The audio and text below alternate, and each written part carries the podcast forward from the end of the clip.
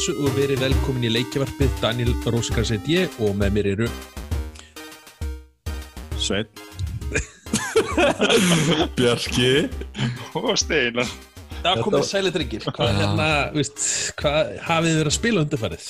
Um, við byrjum á þér Bjarki. Uh, Hjá mér var það, sko, ég var að flytja síðan frá, frá því við vorum að spjalla senast Ég veist ekki að Moving Simulator var komin út. Aha, Ég veist ekki að Moving Simulator var komin út. Þetta er nýj útgáða Þetta var bara real life hérna, sko. Þannig að ég er ekki búin að spila neitt voða mikið en aftur á móti var ég alveg rosa heitur fyrir bæði að prófa Game Pass og fyrir Flight Simulator og ákveða að slá, slá farið flugur í einu höggi og hérna sækja uh, Game Pass og, og, og spila Flight Simulator. Þannig að aðeins Flight, Flight Simulator og svo það er eiginlega eina svona tölvleikjatengda sem ég er búin að fara að spila núna senastu 2-3 vikur Ok, en þú, en þú Steinar?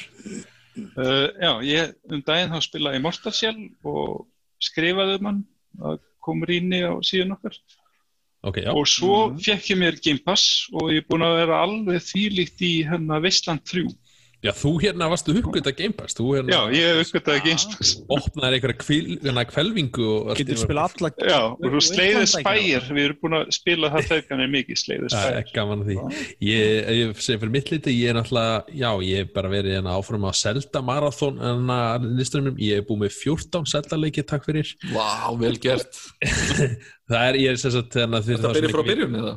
Já, já, þeir sem ekki vita, þá var markmið mitt þessa ás er að klára alla Zelda leikina og ég er búið með 14 uh, leiki og er á 15. sem er Spirit Tracks og já, svo hérna hef ég verið ekkert mikið mikið, ég er bara verið upptikið núna vinnu uh, en það er, ég veit að Svit þú hefur verið að spila Avengers, er það ekki?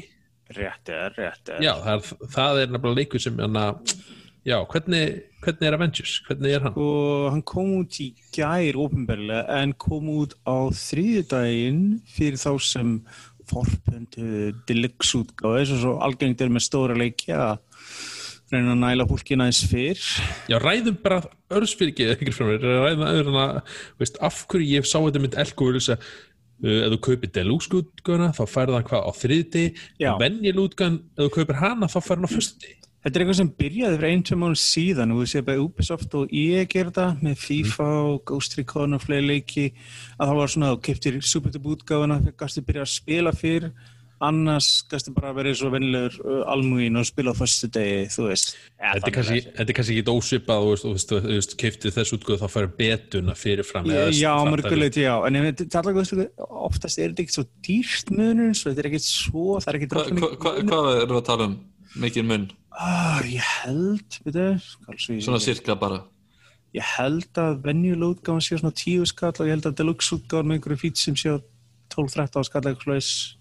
Pælið í, því, það er alveg þrjú skallina að Mér- fjóri dag mér- fyrr Já, mér finnst þetta pínu kjánlegt ef ég sé alveg sverum. Ég skil þetta með betu en mér finnst svona þegar leikurinn er bara eitthvað að fara að gefa út og, og sko Já, það er, þetta er svona- verið, það er ekki verið að leifa deluxe spilurum að spila fyrr það er verið að leifa venjulegum notendum að spila setna. Já, eins og segi, er, þú veist, þú farði einhverja smá bónusa með einhver útgáðin, þetta er oft svoleið. Stundum er þetta bundi við svona gold útgáðin sem Ubisoft, þá ertu með þarna eh, season pass og bla bla bla, kaupið það í dýru útgáðinni og meðal annars fylgir byrjun að spil. Ég meina, ég skal næst í lofa að FIFA verður svoleiðis, en mér er mjög líklegt að FIFA verður með eitthvað svoleiðis. Þeir eru búin að vera það held ég alveg nokkur á Já, það voru með fyrra lámark og ég veit ekki að. Já, þannig að þetta er svona kannski voða nýtt fyrir okkur hína sem eru að spila Já, já, eins og ég segi, þetta er, þetta er eitthvað sem, að- eins og ég segi, búin að vera í gangi einhver ára en miklu nýra hérna. Já. En já, svona hvað út á hvað gengur leikurinn? Við erum alltaf, já. Já, þetta er- ok, uh, þetta er, hvað ég þetta byggir ekki nefnum bíómyndum eða þetta nótast meira við baksugur teiknumyndasögunum, getur við sagt, Ok, og þetta er alveg sín einn saga og segir frá raunverulega einhverju leikurum byrjar á að vera okkur slís í Samsvísko sem leikur borgina í rúst slattafólki deyr og Avengers Age er kent um og þeir hætta og síðan pekar leikarinn upp svona fimm árum setna og þú ferði í upprannlega í fótspor uh, nýra personu sem er endar nokkur á gömuli í teiknumsögunum sem er uh, í Cut of Miss Marvel með Kamala Khan sem ég aðsýtt hún er uh, muslimsku karakter sem var svolítið svona óalgengt í svona þessum bransa það sem vanalega hetjar er hvít og gagginnið og kristinn og allt þetta söll sko. Já, og þetta fer svona hennar verkefni að leita af hvað varðum þessi hetjur fyrir að fá það saman aftur og aðal óvinnilegsins er e, fyrirtæki AIM sem er svona svona klassist vondukallarnir og það er svona pínu Austin Powers væpi um svona Mr. Evil, hensmennir hans og svoleiðis ok en já, og síðan spinnast inn í en sko það sem er, þetta er þú getur spilað og það er einhverjum mælt með spili fyrst gegn söguleiksins og þá hoppar á milli persóna, spilar sem Kamala spilar sem uh, Hulk uh, Hvernig myndur þú flokk þetta leikjategundir? Sko? Er, þetta er þriði persóna hasaleikur sem er svona er þetta RPG element í þessu? Já, menn þú ert með stata, þú ert með skildtrí, þú ert með loot og allt saman. Sko þetta er, uh, ekki, þetta er svona næst í þessu loot shooter, það er klárt ábrendur úr skoðleikin að þeir voru að horfa rosalega mikið til leikja eins og Destiny og fleis og Diablo og fleira. Þetta er, þetta er mjög eng, líkt mörguleiti sem gerist fyrir leik sem ég gaggrinn um þetta síðan í fyrra Ghost Recon Breakpoint sem var einmitt alls konar dóti tróðið inn í vennilegan leik.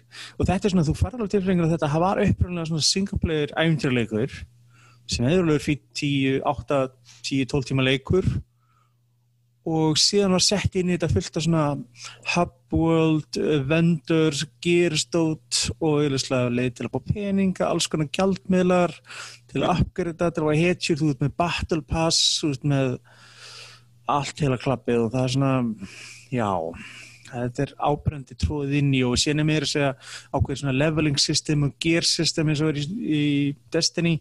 Og þú er að vinna þau upp eða getur það nýttir einhverjar leiðir áður getur ekki spila, já og síðan er verður einhver raids, gangutur á nöfnum en þetta er rosalega mikið þetta en þetta er allt sett í leik sem öruglega reytst á það sem margir geta að spila saman einu.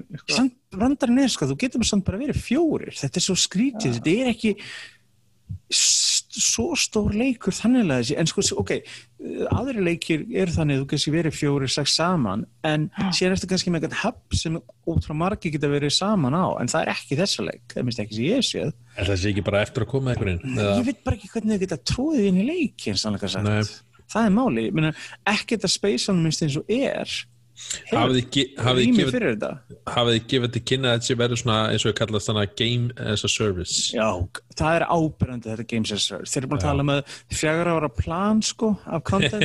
Já, það, er svona, ok. það, það fyrir ekki að milli mála og, og sem sagt uh, bara fyrir hlustendur sem veit ekki hvað game as a service það er bara það að leikir eru orðið svona ákveði hana, svona plattform og, Það- og það ætla bara að vinna með því næstu árin það er að gefa út svona efni eitthvað viðskipta Di- módel Diablo sko. eitthvað þrjú eða eitthvað. Eru seasons þá í þessu?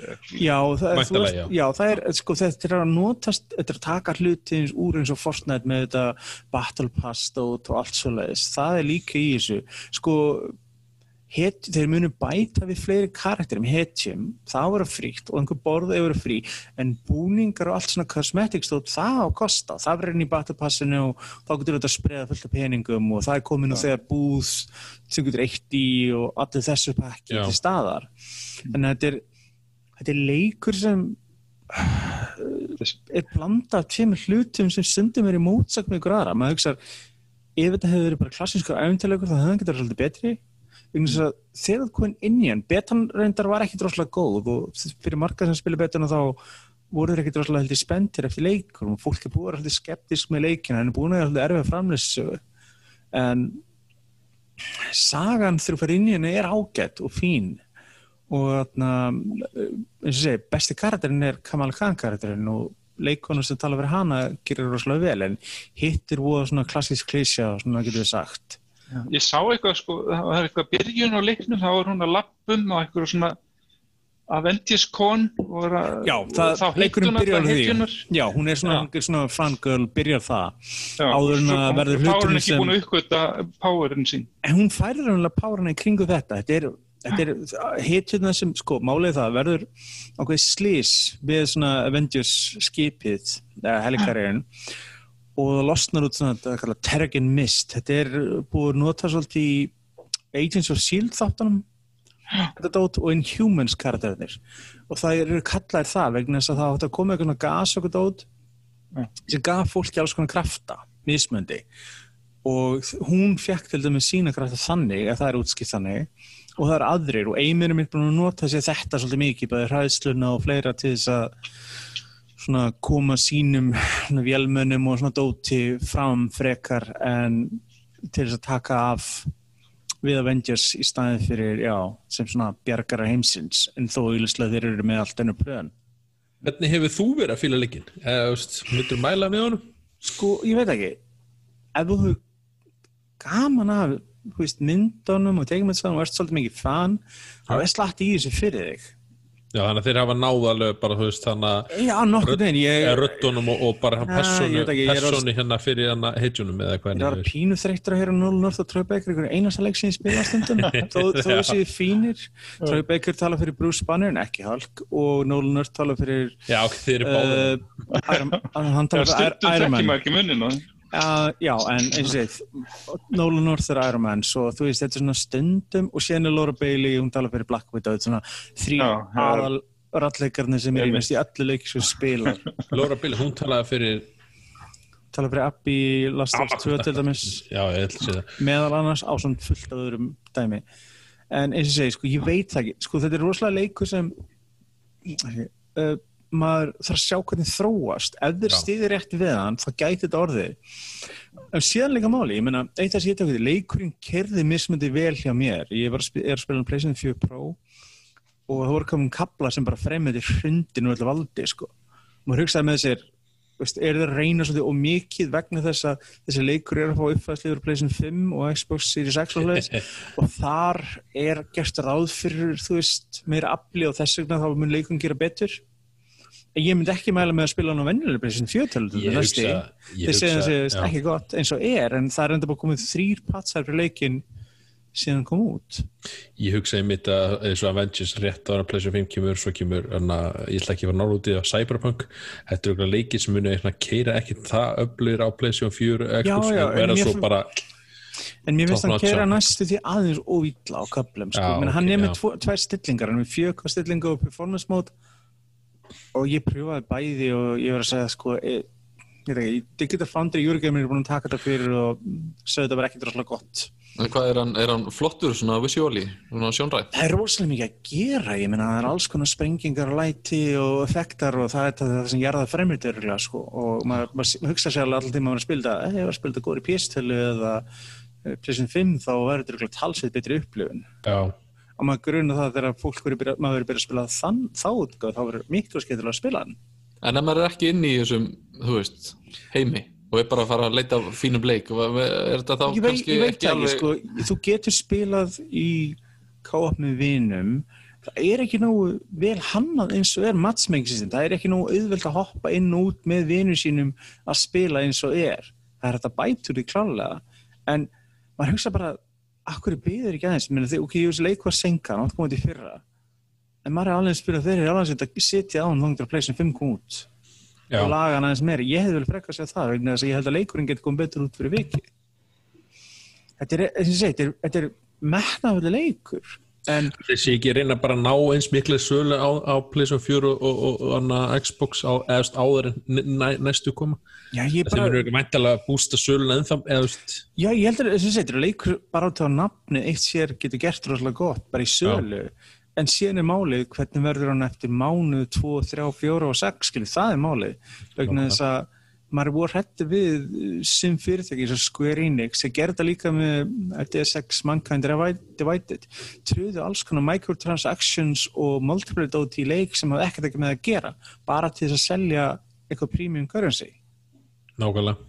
Það er svo, getur skemmt leikjur og svolítið mikið, þetta Já, er er einhvern blanda saman, já, Já, það er málið. Þú finnur alveg fyrir elementum af því í þessum leik líka. Er mitt, er mitt og ah, þetta, er, þetta, er, þetta er velgerðu leikur á mestu, þetta er með aðtíksu sögu, þetta er vel þess að spýra en ef þú ert ekki hardcore fan þá er spussmál að býða þess og sjá hvað bætist við þeir eru búin að tala um að uh, Hawkeye er að koma og það eru fleiri personur að bætast við. Var Spiderman komin? Nei, hann, er þetta það, Spider-Man kemur bara á PlayStation Yngu góð Playstation, já. Já, sem er þetta búið að vekja mikil að gleði að þannig hjá Eins og segja, ég veit ekki, það verður aðkvist að sjá í aðdraðandanum fram að jólum uh, hvernig verður supportaði leikinn með content og slæðis já, og hann hefur möguleika að verða miklu meira en hann er í dag.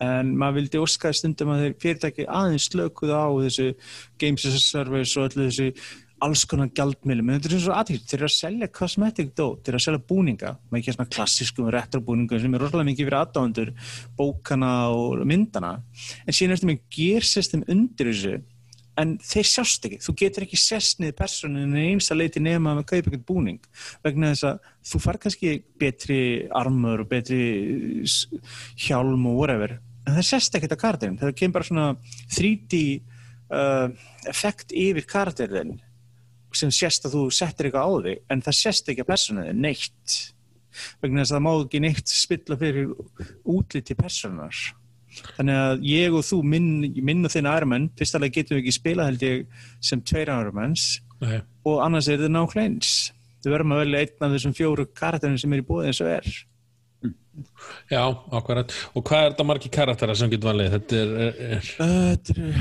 maður sagði, veitir, það er Captain America, það er uh, Iron Man, það er Hulk, það er Black Widow, það er Kamala Khan og okkur fyrst mér séu gleyminum. þetta eru hvað, 5-6? Já, þetta er fimm sér karakterar og, Já. já. já, og síðan á þetta að bæta. Spilast þetta bara vel? Já, það er erfið að spila suma, sko, þetta er úrslega aðstæðu, síðan er vandamáli við allan leikjum, þetta er karat, uh, óunnuru level based og svo leiðis. Já. Ok, síðan er svo vandamál, Hulk til dæmis er á að vera ómút, uh, óstöðvandi karakter en hann er samt í vandramáti einhverju vélmenni, sko. Þetta er stundum svo aðstæð, ég skil að hvað þetta er gert, þetta er út af leiknum. Þetta er samt líka svona í oft bíómyndunum, svona Ég já, En þetta er svona gauð sem ætti að rífa vélmenni í tvend bara, sko. Það var alltaf sagt í sögunum því reyður sem Hulk verði sterkara verður Mm. en hann ætti bara að rúla gegnum þetta en síðan er einhver vélmenni með einhver ramakstæmi og hann detti niður eins og einhver pappistúlka sko, og maður er bara, oh, come on og veist, maður skilur það með þess að Black Widow og svona karakterum sem þeir eru ekki með einhver armor eða eitthvað magic eða eitthvað svona eins en Thor og Hulk eru svona karakter sem ætti bara að rúla í gegnum liði sko, þeir ætti bara að vera tankarnir og það er hugsað um það sko. Þú veist með einhvern healer og tank og Þannig að þú mælir með að býða og sjá bara hérna sko, veist, ég hvernig mæli málið með að skoða hann sérstaklega úr mikil aðdáðandi þessa, þessara karaktera en fyrir aðra borgar sér kannski að fylgjast aðeins með og sjá til. Ég menna að áttur hann- að koma já. út slatti fyrir hann en þá reytin og fleira og þegar það verður komið þá verður kemur örugglega góð reynsla á hvort að þessi leikur standi undir væntingum eða ekki. Jæja, en, en ég spenntur að spila hann á Playstation 5 Nei, Akkurat, þetta var hérna bara Avengers og, og hérna, ég, ef þið hafið áhuga á, á Avengers sögunum og, og þessum heimi, þá fær hann svona, hvað, thumbs up, já, sveitn, en, já, en já, svona, svona 3-5 leikur eins og er hefur mögulega að vera meira ok, flott, ég, hérna, ég er eftir að sækja hann, ég er, er með kóð og ég, hana, hana, ég ætla að gefa hann að gauðum, en að, Ég kem, í netkæðapaltiðin og hjálpar byrja núna að vera kannski tilbúin þriðdæn, nei, nei, heyrðu, uh, nú ætla ég að fara í Italy Mario, nei, Lego Ah. Super Mario var að koma út, eða Lego, hvað sem er, Mario var að koma út í Lego formi, og Lego Mario Super, Super Mario Lego, ég veit ekki. Lego Super Mario, það passar. Lego Super Mario, ok. Lego Super uh, Mario. Bjarki, þú hérna fegst hvað, uh, ertu búin að fá uh, startpakkan? Já, ég hérna sem sagt uh, þau voru að fá hérna þessast nýju seríu Lego Super Mario í hérna Lego búðin í Smáralind Já, ég sá hann um þetta í gamestöðin í kringlun í dag, ég var eitthvað aðeins að skoða þetta. Líka þar? Já, ég var Já. að pæla í þessu eftir að þú hefði myndið að talað um þetta. Já, eh, já, þau voru svo indala að græja hérna grunnpakkan fyrir okkur sem að eh, hérna ég var að prófa með dætrum mínum Ah, það er Eh, gaman. Já, því Lego er þannig, þú veist, Lego er svona byggja samandæmi og stemning Já, og ég er svolítið forvitin að vita bara hvernig þetta virkaði en þetta er svolítið hérna að þeir eru að reyna, að reyna að tvinna saman svona heim tölvuleikja við Lego Mm. þannig að í, í grunnpakkanum til minnst þá fær maður hérna svona Mario Kall sem að maður eiginlega verður að hafa svona ef maður ætlar eitthvað að pæla í þessari línu sko Mm. og svo fær maður eitthvað að kuppa og óvinni og svona og pælingin er sem sagt svo að þú byggir þitt borð bara eins og Mario borð í rauninu úr kuppum og nota svo Mario kallin til að hoppa ofan á kuppunum og eitthvað og þá eru svona til dæmis á óvinnum þá setur þú svona stríkamerki ofan á hausinn og þá fattar Mario, ó ok, ég er hérna ofan á svona óvinn, ég hérna fæ svona marga peninga fyrir að hoppa ofan á hann og svo heldur maður áfram á eitthvað og Ok. sum strikamerkinu er kannski eins og spurningakassi, það getur maður fengið svepp eða stjörnu eða peninga og svo, það er sagt svona skinjar undir, undir Mario, þetta er svona gagvirk útgáfa af Mario og les hérna líka í litina til dæmis, þannig að ef maður fer hún að bláa kuppa þá er það, þú veist, uh, hérna svona sjáarborð uh, rauði kuppar er eldur og eitthvað svona. Og, og hérna hana pælingin er að maður býr til bara borð, leikur sér þannig og fer í gegnum þetta þannig. Og maður getur svo sótt app og eitthvað til að styðjast við þetta. Og þá er þetta að keppa í, rauninni um hver, hver er svona fljótastur að fara í gegnum borðið uh, og maður getur fengið svona uppskriftir eða leiðbeiningar um hvernig á að búa til ákveðin borð. Já, og hérna og svo er rauninni að vera að keppa um hver, hver uh, fær flesti eða hver, hver er fljótastur að fara í gegnum eitthvað svona. En er þetta skemmtilegt? sko, ef ég veri einn aðleinn í þessu, þá veit ég ekki alveg sko, ég meina uh, ég meina, jú, jú, ég meina að, að þetta er tölvuleikja tengt og mér, mér finnst mm. Lego awesome, sko, ég fíla Lego í klassu og ég, mér finnst Mario hérna, super töff pípari, sko. Þannig að, sko, mér finnst þetta alveg sniðast og svona, en hérna með sem sagt dæturum mínum, fannst mér þetta auðvitað bara mjög skemmtilegt. Uh, að, að það væri rauninni allir einhvern veginn með í þessu og ég er líka mjög hrifin af þessu að vera með sko kuppa og blanda því saman við í rauninni leikjahönnun og svona pælingar í sambandi við bara uh, að það sé eftir að gefa einhverju tæki ákveðna skipanir. Ég held að þetta svona uh, sé alveg kannski ágæti svona kennslutól gæsalappa einhvern veginn. Já. Getur verið aðtísið grunnur eða vingill inn í eitthvað annan kannski. Já, og, og mögulega kveikt áhuga til dæmis bara á eins og level design að búa Nákvæmlega. borð, bara í alvörunni bara hérna 7-8 ára gamalt bad bara eitthvað að geta þetta pæli í, í borðahönnun í tölvuleik meina það var kart fólk sem bjóð til borðið í Dungeons and Dragons, þú veist, svona roleplay og síðan allt inni fór að búið til borðið í töluleikjum vegna þess að, já, Já, já, og það er alveg eh, hérna svona game designer og leikjahönnuður sem er alveg í því bara, herru, hér er kassi af legokupu nú, búðu til borð, má ég sjá hvernig, hvernig borðum mútið búið til? Já. Ég Það er man bara eftir, man eftir svona minni sko, hennar ég er aðeins eldri því það er leikur sem ég heit Lóðrönnur kannast eitthvað við hann? Já, hérna kannast Það, svona- það var svona kubbar og maður gæti búið til borð fyrir aðra. Það var svona, veist, gildur ósýnlega gildur og það var maður átti að samna einhverju gulli yfir allt borðið sko. Mm Mhm. þetta, er, þú veist, þetta er mjög gamalt konsept það er að búa til borð og vanta, mér finnst það vanta alltaf Já, þetta, þetta er auðvitað, bara svo það, það setja ekki fram, þetta er auðvitað bara physical legokupar já, Þetta er Já, ekki ok, ég var ekki tölvuleikur. Nei, þetta er bara physical legokupar, þetta er bara, þú veist, þú ferð í legobúðun og ferð bara kassa og Já, þetta er ekki alveg og Lego. Mario, er og Maker leikurinn sem er aftur á móti það að búa til borð og þannig að það geta verið, þú veist, já, þannig að þú veist, eins og því, við vorum að búa til borð, þá vorum við bara öll þrjú saman í þessu í einu, einhvern veginn að þú veist, ég var að búa til byrjunina og einhver var að kuppa annar staðar og, þú veist, einhverju svona vírar undir eða? Uh, nei, þetta er ekki þannig þetta er bara þessi Mario Kart. Þú er eiginlega, þetta er, þú veist, þú þarfst að bæta við ímyndunaraflið við þetta. Þetta er auðvitað ekki Já. svona uh, þetta er auðvitað svolítið leikur líka bara að leika sér, þú veist uh, þetta er kannski fyrst og fremst leikfang náttúrulega Já, akkurat Þannig að hitt svona tvinnast við þetta að þú veist, grunn, grunnpakki sjálfur þann, hann er mjög basic, þú farið þarna einmitt Mario kallinn sem að einmitt þú verður að hafa.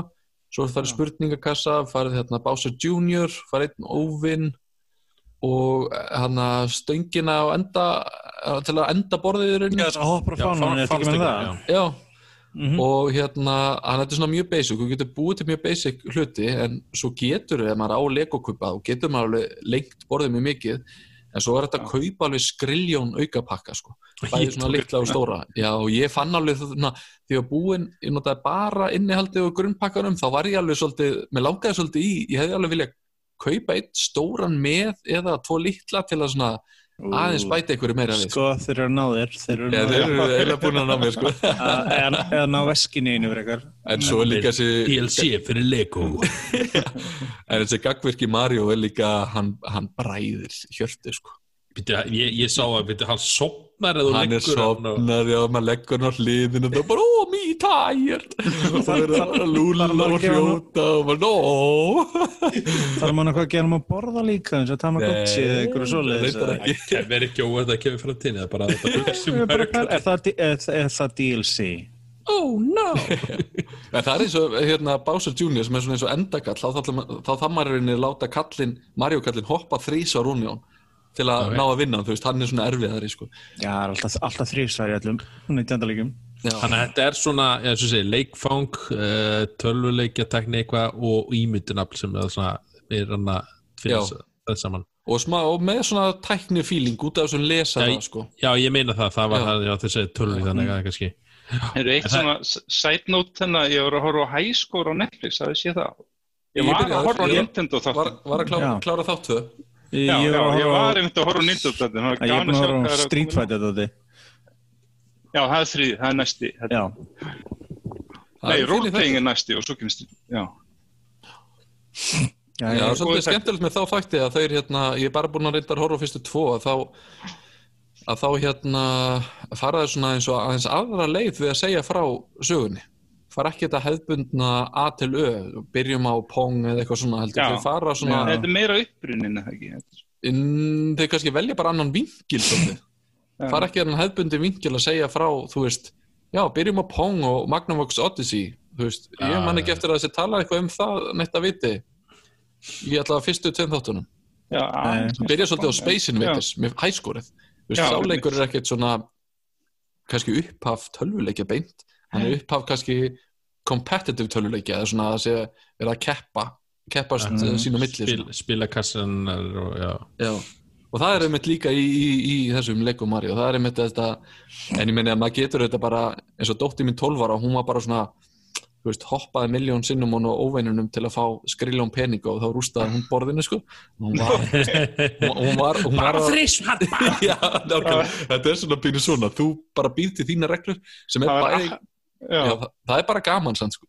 það var Ég akkurat í þessum þætti, henn að týta hann henni skopið að það var að drepa sig. já, já, og, og samna stigum, drepa sig, samna stigum. Já, Ég, ég verður hugsa hvort að ég, og ég er alltaf að taka svona lengra að, veist, ég verður hugsa hvort að þetta bæti ykkur tening við þetta, gera ykkur svona random eða svona eh, eða eins og þessu aðgerð. Ég er, svona, eða, veist, er þetta bara svona straight forward, forward þú ert bara að láta kallin lappa, getur bak eða fattir þetta þannig að veist, hvað er að stoppa að fara að byggja eða- í rauninni þú veist þannig að það er svona strikamerki í byrjun sem að segir hvar borðið byrjar.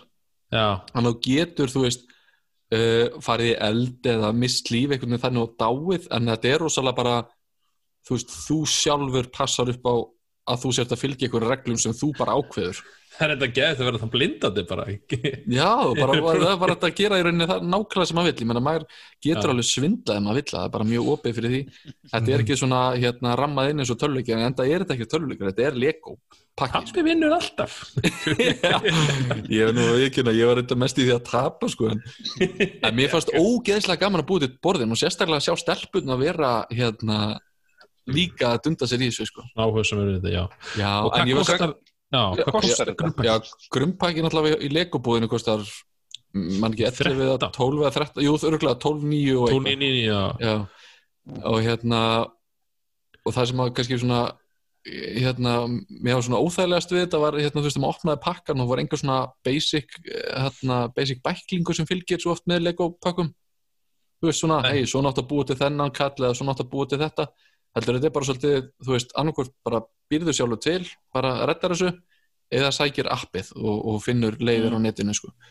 þannig að maður var svona pínur svona að klóra sér aðeins í hausnum við byrjun en ég meina að búa til borð, það er líka það, þú veist, það er pælingi með þessu. Þú ert að skapa þinn heim þetta í bór, já.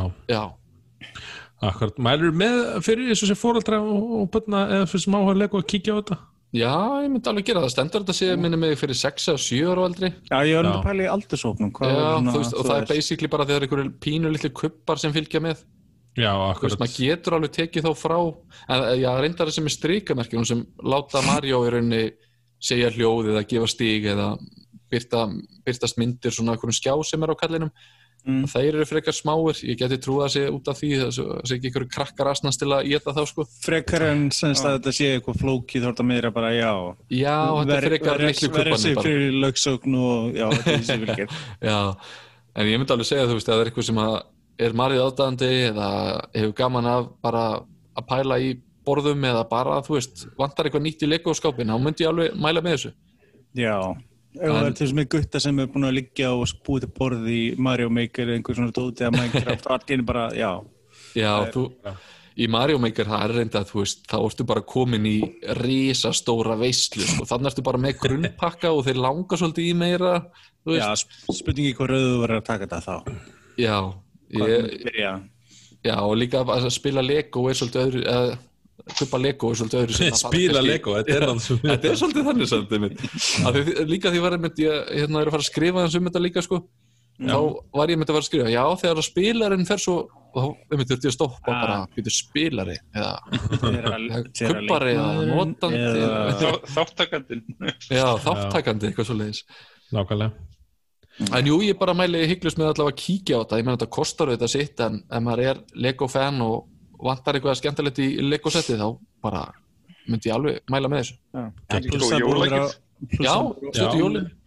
Ólega mikil innveri á fólki þetta árið svo já, COVID og já, nákvæmlega sko. allt það þannig að Þetta býr alltaf mjög, upp á mjög marga svona skemmtilega möguleika en, en ég myndi, ég ætla, ég ætla alltaf að bæta við ykkur aukapökkum til að fá aðeins meira djús út úr þessu. við fylgjumst með og sjá hvað Já. djúpbólunum Já. er sekkur.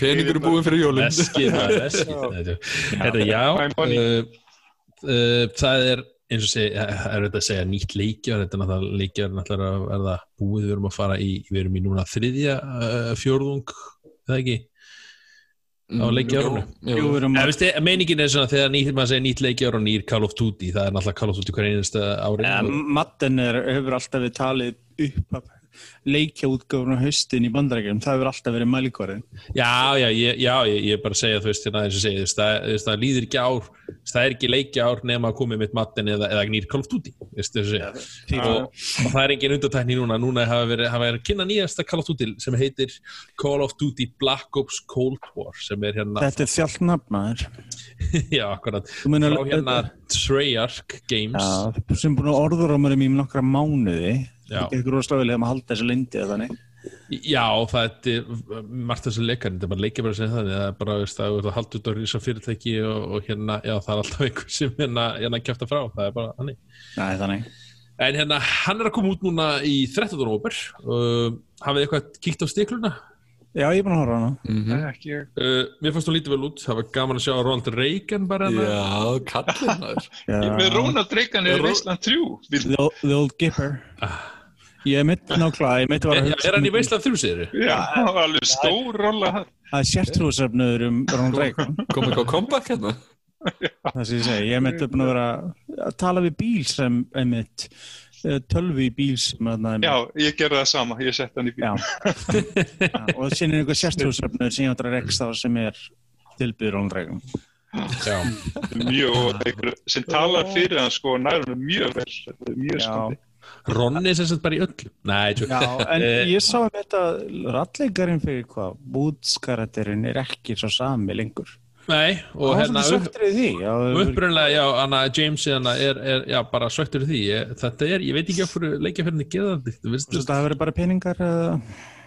Já, ég veit ekki, eins og maður með Metal Gear Solid, allt er nú að koma inn hana Já, það var peningar klálega og, þráhyggja Kojima í Hollywoodina en að já, alveg rétt, alveg rétt. En við ætlum við ekki að fara annan átið þannig En hvað segir þú, þau eru hálftíma þrjú kortir, ég get rætt um það. Kojima, nei, tjó uh, já, það er, veist, þess að við ætlum bara rétt að fara að stiklu það, við ætlum ekki að fara ekki að nána mikið í þetta, það er bara náttúrulega að koma nýr Call of Duty uh, Warzone eins og hann leggur sig, sem er bara held ég vinsalasti, eftir Fortnite vinsalasti hérna Það ganga betri að með þa- þann leik en Black Ops leikina orða undan sem var svona fyrsta tilrunni þeirra. Já, ég hugsa, ég hugsa þeir að vera, ég veit ekki með Warzone, ég held að þeir kannski að vera að þróa lengra, ég held að þeir vera kannski svona tvö side project, uh, gerir Ég- þið Blackout og þið gerir Warzone og svo allt í En mér fannst þetta rosalega mikið verið, hei, þið pröfum dýfum tanni vatni þarna og sjáum hvað virkar og ekki virkar og síðan klálega fóruðu lengra með næsta legg. Já, já, algjörlega, algjörlega. Og svo, svo fundið formúluna og þetta er bara peningamaski, þetta er svo fyndið því að maður hugsa þetta í svona tölvuleiki svo eins og segi, uh, fyrst voru að rukka fyrir DLC og, og, og map og bara lengi mörg ár. Já, svo, sí- svo, finna, svo, svo kemur Season Pass núna sem, og, og, og þetta Warzone sem er bara frítt innan geslappa en þú þarf þetta að borga fyrir Pass allt er þetta að koma með einhverja áskriftilega inn í leikin en, en af því þú ert að gefa en að geslappa eða þú ert að gefa svo mikið með pakkanum allt er þetta komið með bara peningamaskinu sem bara þú veist, na, eins og segja heldur na, þessum leik og þessu fyrirtæki og- eða er ekki nógu mikið peningum þegar fyrir. Að Mm. bara á flotti þar að segja hana, og, og þarna sjáu þið það að Warzone er bara veist, og það er engin ástæði til að breyta. Þannig að nú þeir munu halda áfram með Warzone og, og, og verða þá bara held ég með þá Black Ops þema. Ertu búin að það pening í leikin? Uh, nei, ég kefti hins vegar dýrari útgáfuna af ona held ég hana Call of Duty fyrra og það fegst ykkur code points. Og ég hef notað þá, ég held ég fegst eitthvað 2400 code points og ég held að hana, hana, hana passin eða svona season pass kostað 1000 og ég hef aldrei levela season passa neitt, ég hef ekkert spila Warzone neitt að viti, ég held að allir vinir mín séu að því sko, þetta er bara, ég er alltaf í Apex Legends, ég hef svona Ég fyrst er bara rétt pröfunleik og ég hef Já. aldrei eitt einasta krónu í neitt svona leik. Fortnite eða neitt Battle Pass. Nei. Ekki ennþá. þetta er mjög sniðusamt að fyrir svona fólk sem vil, þú veist, ég, ég að því sko leikurinn, grunnleikurinn er frí. Þú getur, halvlega það er komin köttur í podcasti þannig að. Sérstakur gestur. Já, Já, hún ákvað að stinga Leynigestur. strax. Já, ok. en allavega, ég var að segja það þarna, segja, þetta er, hérna, þú veist, þú þarft ekki eða neina krónu, þú, hérna Nei, og- nei, þarft maður ekki en þú ert samt kvartur í öllum svona leikin til Já, þess já, að- ég auðvitað, ég meina Það er þetta frí- markmið alltaf Það Já, er bara annars verður ekki það Veist, þetta Ég er meina, maður- já, ef maður líka en veist- bara Já, þú Já, getur ekki Já, fyrir ekki, þannig að þetta er frýtt og, veist, og það getur náttúrulega ekki verið frýtt frýtt, veist, að það þarf alltaf að vera einhver veist, til að fá peningi tilbaka. Og Já. Activision þarf að fara sitt. Já, það er auðvitað líka, þú veist, ef fólk, ef maður líka snúa svo hins, hinum einn, þú veist, ef maður væri að vinna í leikjafyrirtækinu eða þú veist, vera að pæla í þessu, ef fólk er tilbúið að borga, þá er það tilbúið að borga, þá rúlar þetta Ég- áfram bara. Ég held að við líka bara fundið bara með, þú veist, með season pass og svona Uh, þetta er svona, þetta er ekkit það dýrt. Þetta endist þér í, í, í 2-3 mánu fyrir eftir hérna, fyrir eftir hérna hvað þetta er hérna leik, eins og Fortnite. Uh, félag mér var að lendi því sko, stæðan fyrir að eigðanlega fullt af peningi skins í Fortnite Mm. og veist, og krakki var að suða og suða, hvað er það ekki þetta. Svo kemur hann kannski eitthvað overcool og hann verður regnast og hann bara gefur eftir og, en, en að geta gefið krakkanum bara svona, að- ég held að að getur að kosta bara 1000 kall eða 1500 kall leiks Ég er í sama pakka. Já, og þú bara gefur hann þetta eða svona, þú veist, eitthvað svona fyrir viljum stör, einhvern eða í skóla eitthvað. Já, og hann er bara settur og fær helling að stöffi, þú veist, í hérna af leinum og getur spila næstu þrjá mánu Já, já, hann margt verið þetta sko. Já, þú veist, þannig að þetta veist, þetta er svona góðu balansi fyrir svona, eh, ef þú myndir segja, segjur, og, og ég er náttúrulega eins og Apex og ég er búin að spila núna alveg frá að koma út, það er tvö og hálft ár núna, nei, fyrir ekki, eitt og hálft ár, ég, ég ætla ekki að fara að segja ykkur hvað ég er búin að eða í honum, ég er búin að eða Jú, jú Getur Ég var alveg að fara- þjónustu fullur í bankan Það er ég- Hversu mörg núl eru í tölunni? Núl, núl. Hvað er margir, er puttar? Já, ég veit, ég, ég hef Svona mikið örugglega- ég hef öruglega eitt alveg 20 skall í hann langar mér að segja, þú veist en þetta er leikur sem ég er búin að investa tíma í ég, ég þannig að vita hversu mikið Einn spurning, getur eitthvað í þessu eða? ég var að reyna að sína ykkur að þess að byrja hana svo bara to win.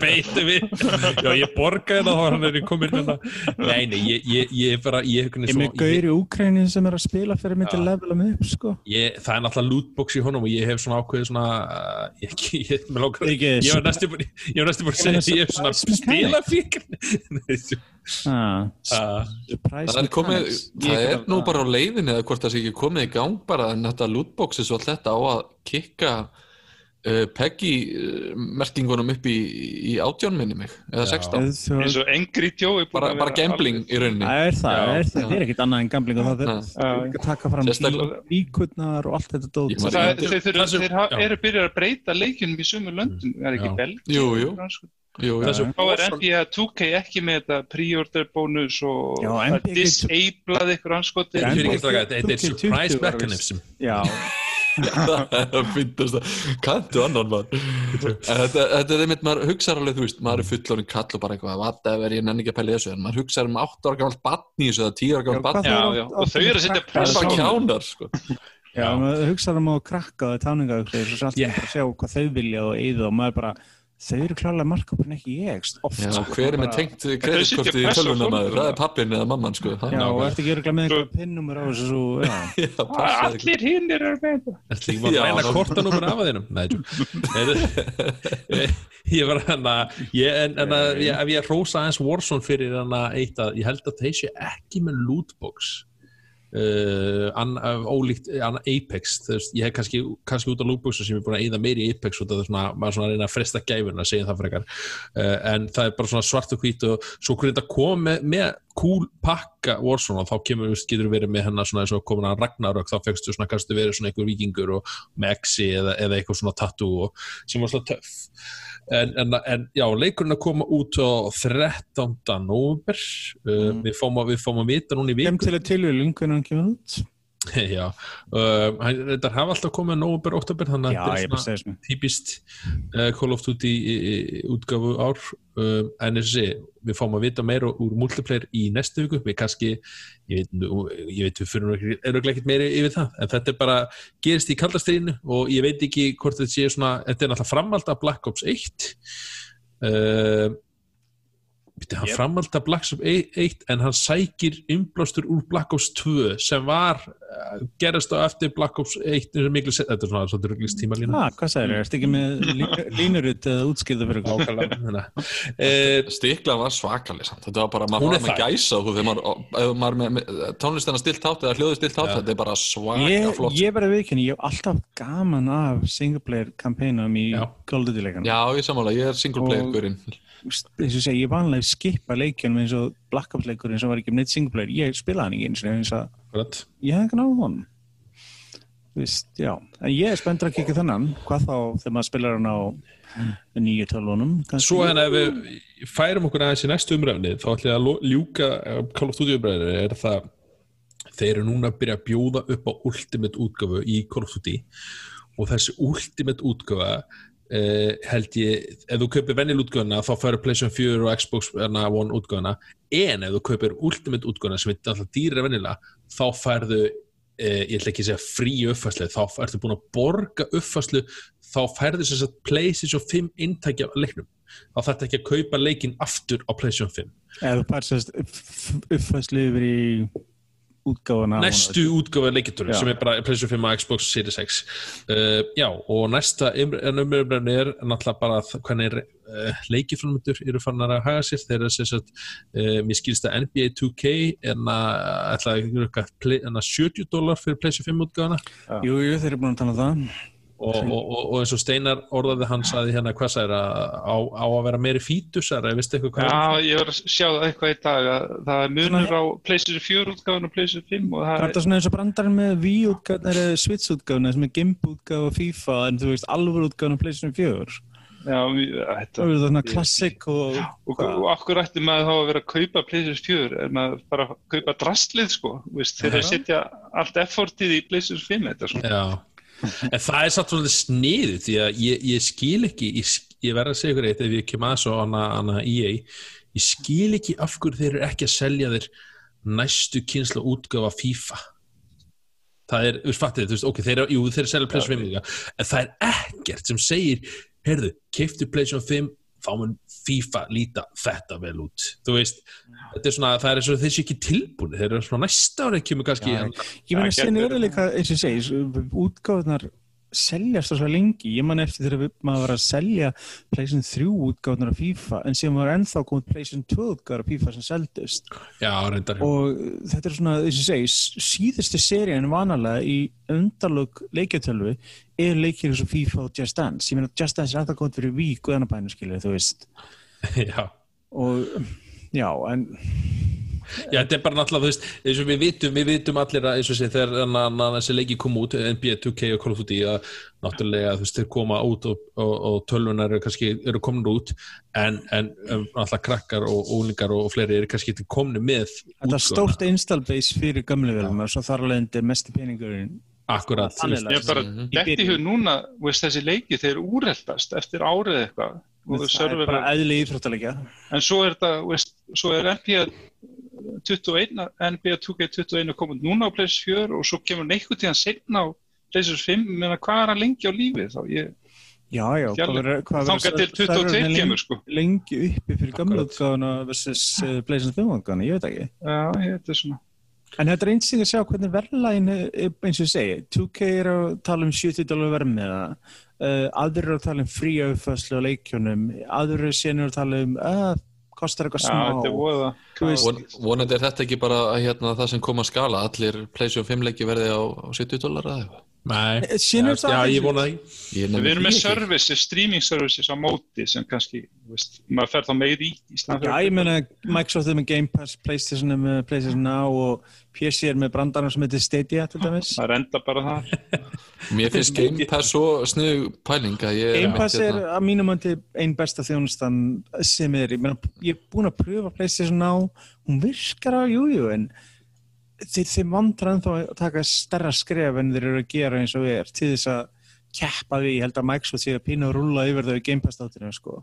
Þetta er eina ástæðan okkur mér finnst Xbox koma eitthvað mögulega til greina hjá mér. Já, já, hvað það sem PC líka sko, minna, Já, já. þá er allir einu Game Pass líka þar og ef þú spila PC leiki, Xbox One leiki, Xbox 360 leiki hmm, þetta verður allt í einu skyndilega álitlega kostur. En eins og segi, saman þau leikjaður aðtíksætt, þetta er svo sérstætt sko það er búið að standa í stað í bandaríkjum svo lengi þetta er 60 dólar verð. Á meðan anna, annars staðar í heiminum hefur verðið hækkað. Bæði Breitlandi sem fór úr 49, 99 í 55 upp í 59 aukslaðis sem þeirra var sér hækkanir og Evrópa og hvað þá hérna í Íslandi sem við hefum sér stigmagnandi verða leikjum í mörg úst, ár Er það ekki bara þessi blessaða helvítis króna, strákar? Jú, upp á vissu leiti, upp á vissu leiti en það er líka verðið í Evrópu er hækkað. Já, á meðan er verðið í bandarækjum staði staði í mörg ár. En það sem svekkjandi er það við erum búin að vera að borga meira en 70 dólar óslega lengi fyrir leikina en síðan hefur bandarækjum alltaf verið að gera og það, fyrir, ok, það sem ég hrættur um með leikinu hækkar hækka, hækka bara til því.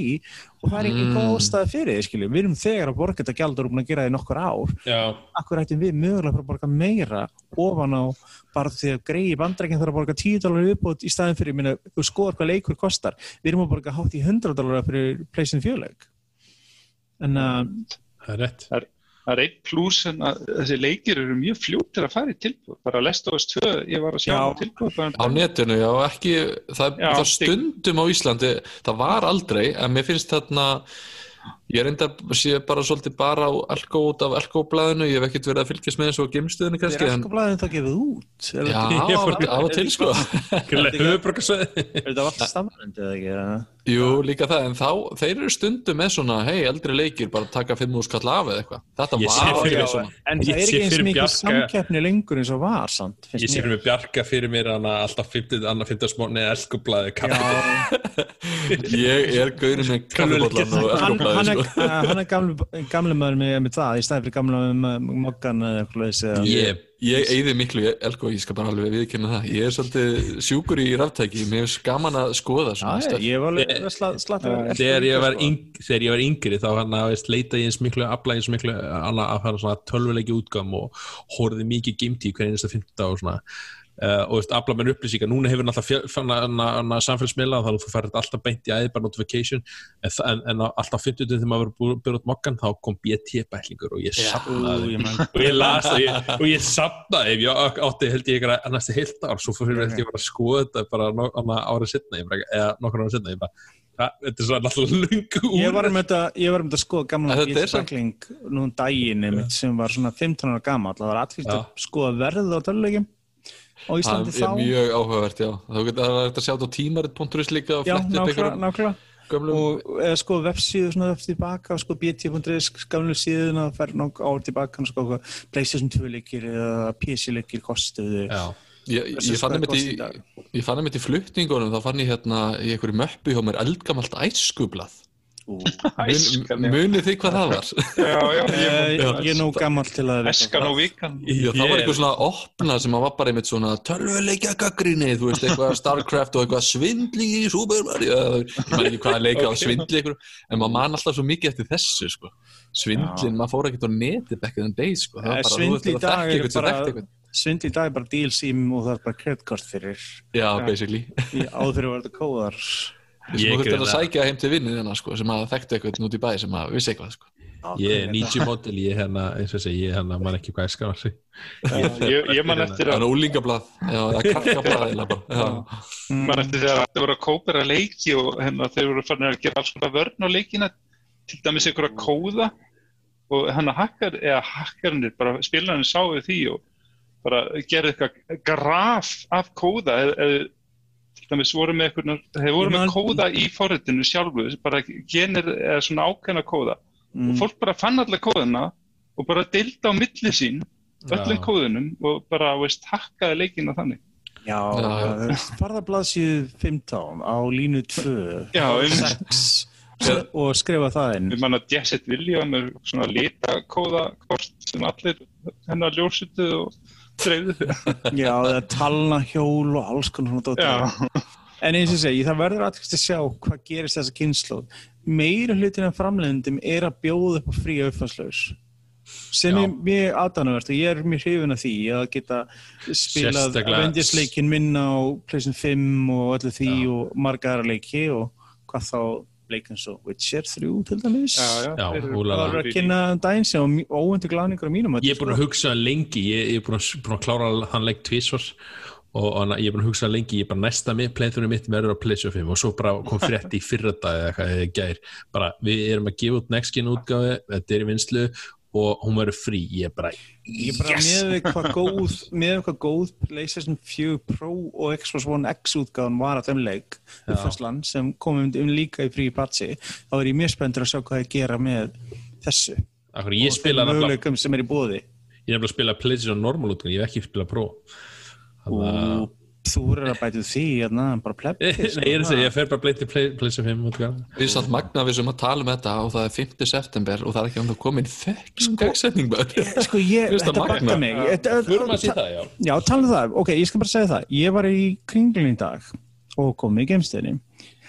Og bara, ok, nefna bara til ég var þar og, það er mitt, voru, á meðan ég var þar í þann tíma sem ég var, sem var ekki lengi þá komu þetta tveir eða þrjú guttar og spurðu hvernig kemur preysin út, fimm út, hvað kostar hann og ég meina, auðvitað gæti hann ekki svara vegna þess að við, við veitum það ekki, það veit engi það en ég meina pældi í hvað þetta er ergendi vegna þess að við, eins og Bjarki segir Þetta er svo stutt, það er svo lítið eftir árið. 50 september, hvernig hefum við áður verið í þessari stöð? Vanalega við töfum um sumarið, þegar Já. við sumarsins er í þrýr, þá veitum við hvernig verður það að koma út og hvað það kosta og þá erum við kannski eftir að vita hvað það kosta í Íslandi en við getum alltaf gert okkur hugalund og ég menna, en núna erum við ennþá bara, um, uh, kostar þetta Er- 80 skall? Er, er það að 100 lesa, er það að 150 lesa í einhvern mögulegan COVID-markað eða eitthvað svo les? Þú veist, er Eða það mögulega að breyta dagsetningu eða verði eða eitthvað sko? Orðurum sem ég hef heyrst á því mikið og ég, ég selja hann eitthvað dýrst eitthvað er þetta að báð velna séð hans í dýrreikandirum, sérstaklega heldur Sony og þeir séu rosalega hrættir við hvern annan að vilja ekki vera fyrstir að segja verið. Þetta, Já, er, ég að, þetta því. er bara chicken dæmið, þetta er bara hver er chicken að segja fyrst, að upp á það að þetta er jétúni sem einhvern kostnað til þess að lerri. Ef við segjum að það er Sony Já. Já, sko. se- segjum það að Sony sér fram á að þeir verða að setja hann á 599 til þess að bara yfir höfuð koma út í pluss eða 549 er mist líklegt samt 599 eitthvað þess uh, dýrartípuna, diskótgáðan eitthvað þess segjum það og síðan 50 dólarum ódýrari hinn og síðan kemur Microsoft og segir 499 Series X og Series 5 S típan sem uh, er þá kannski 100 dólar Já.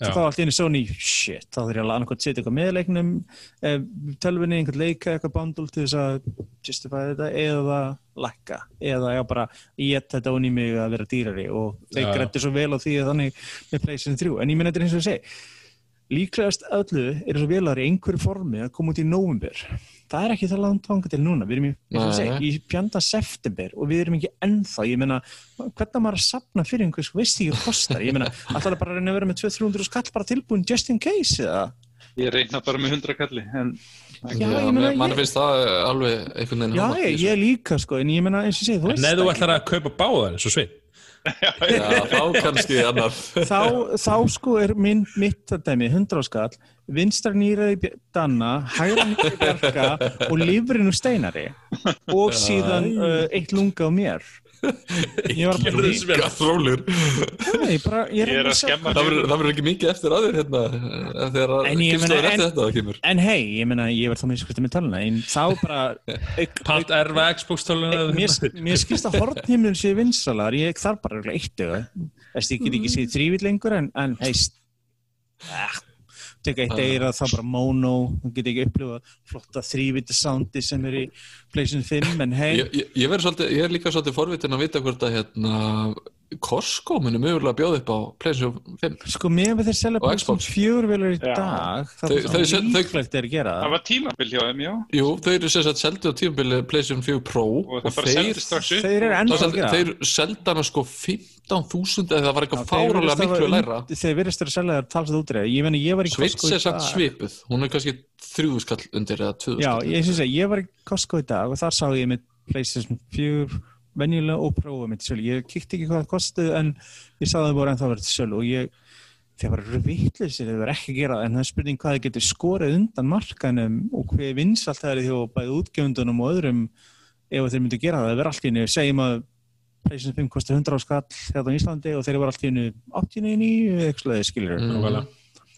Uh, Bjarki, uh, ég vil spyrja hvað, hvena kemur PlayStation 5 út, Xbox og hvað mun það kosta eða, og já, go. bara núna, bara ég fæ ekki Já. sinni ok, ég ætla að segja hérna ég ætla að segja uh, 10. november ha? Já. Já. og ég ætla bara að segja það fyrir báða vélar verð Já, íslenskar.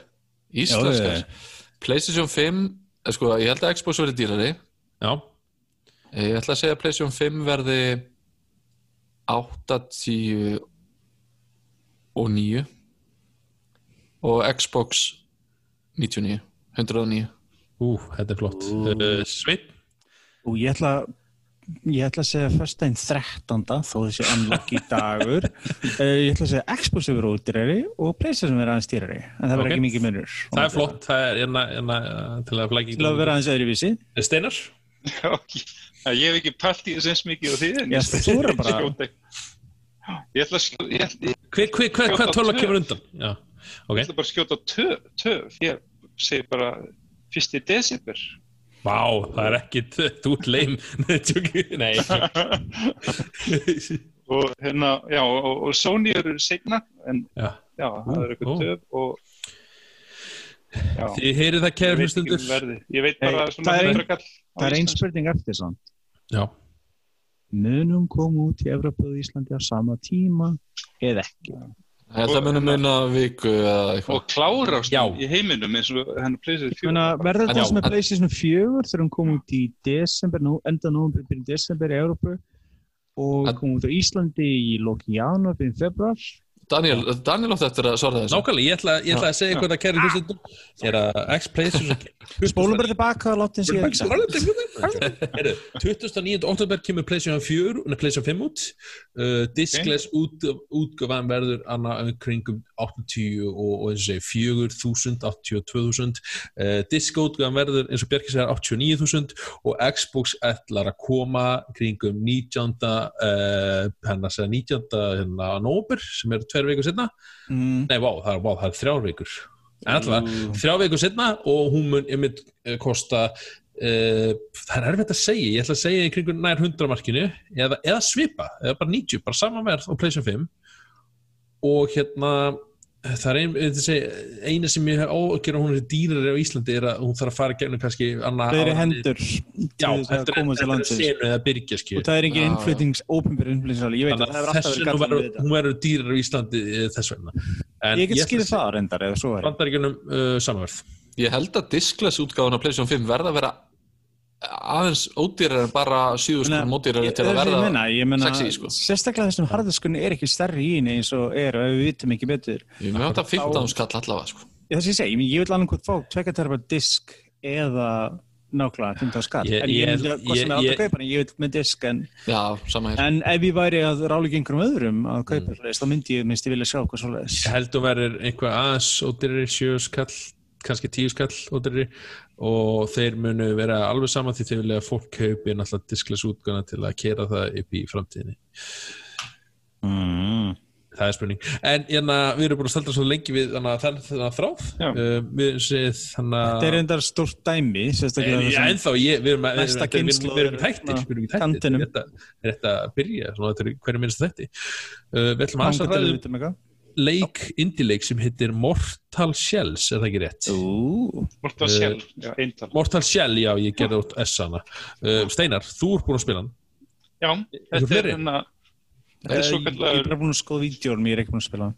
Nei, ok, þannig að, ok, svo- þannig að ég ætla að já, gefa ert þú ekki búin að klára hans? Nei, Ég er ekki búin að spila hann, ég er bara búin að skoða vídjó. Ég Já, ok. vísaði bara þig beint, sko. Já, þetta er sem svo kallar Dark Souls klón og, og hann er hérna, hann er meira tribute heldur en að þeir séu að kópa hann, sko. Þeir, þeir, En tribut frekar eh, kallar, sem sagt, já. Já, já, já, og þeir hérna reyna að endurskapa atmosfærið í Dark Souls 1 og ná því bara mjög vel. Ok, og þetta er 3D leikur sem sagt og, og þetta byrja þannig að þeir gera alveg eins og Dark Souls, þeir útskýr ekki neitt sko, þú bara byrja leikinn og svo er einhverju skrítni með, sem tala mjög sk- skrítið og kryptíst og þú, ert bara, þú veist ekkert hvað er að gerast þú ert bara, þú veist, bara go with the flow og reyna að skilja hvað er að gerast. En þú byrjar sem einhvers konar veist, mannvera sem er bara bein og húð. Og Já, bein og huggulegur í kjöt sko. já, ekki, ekki húð, já, það er bara bein og kjöt.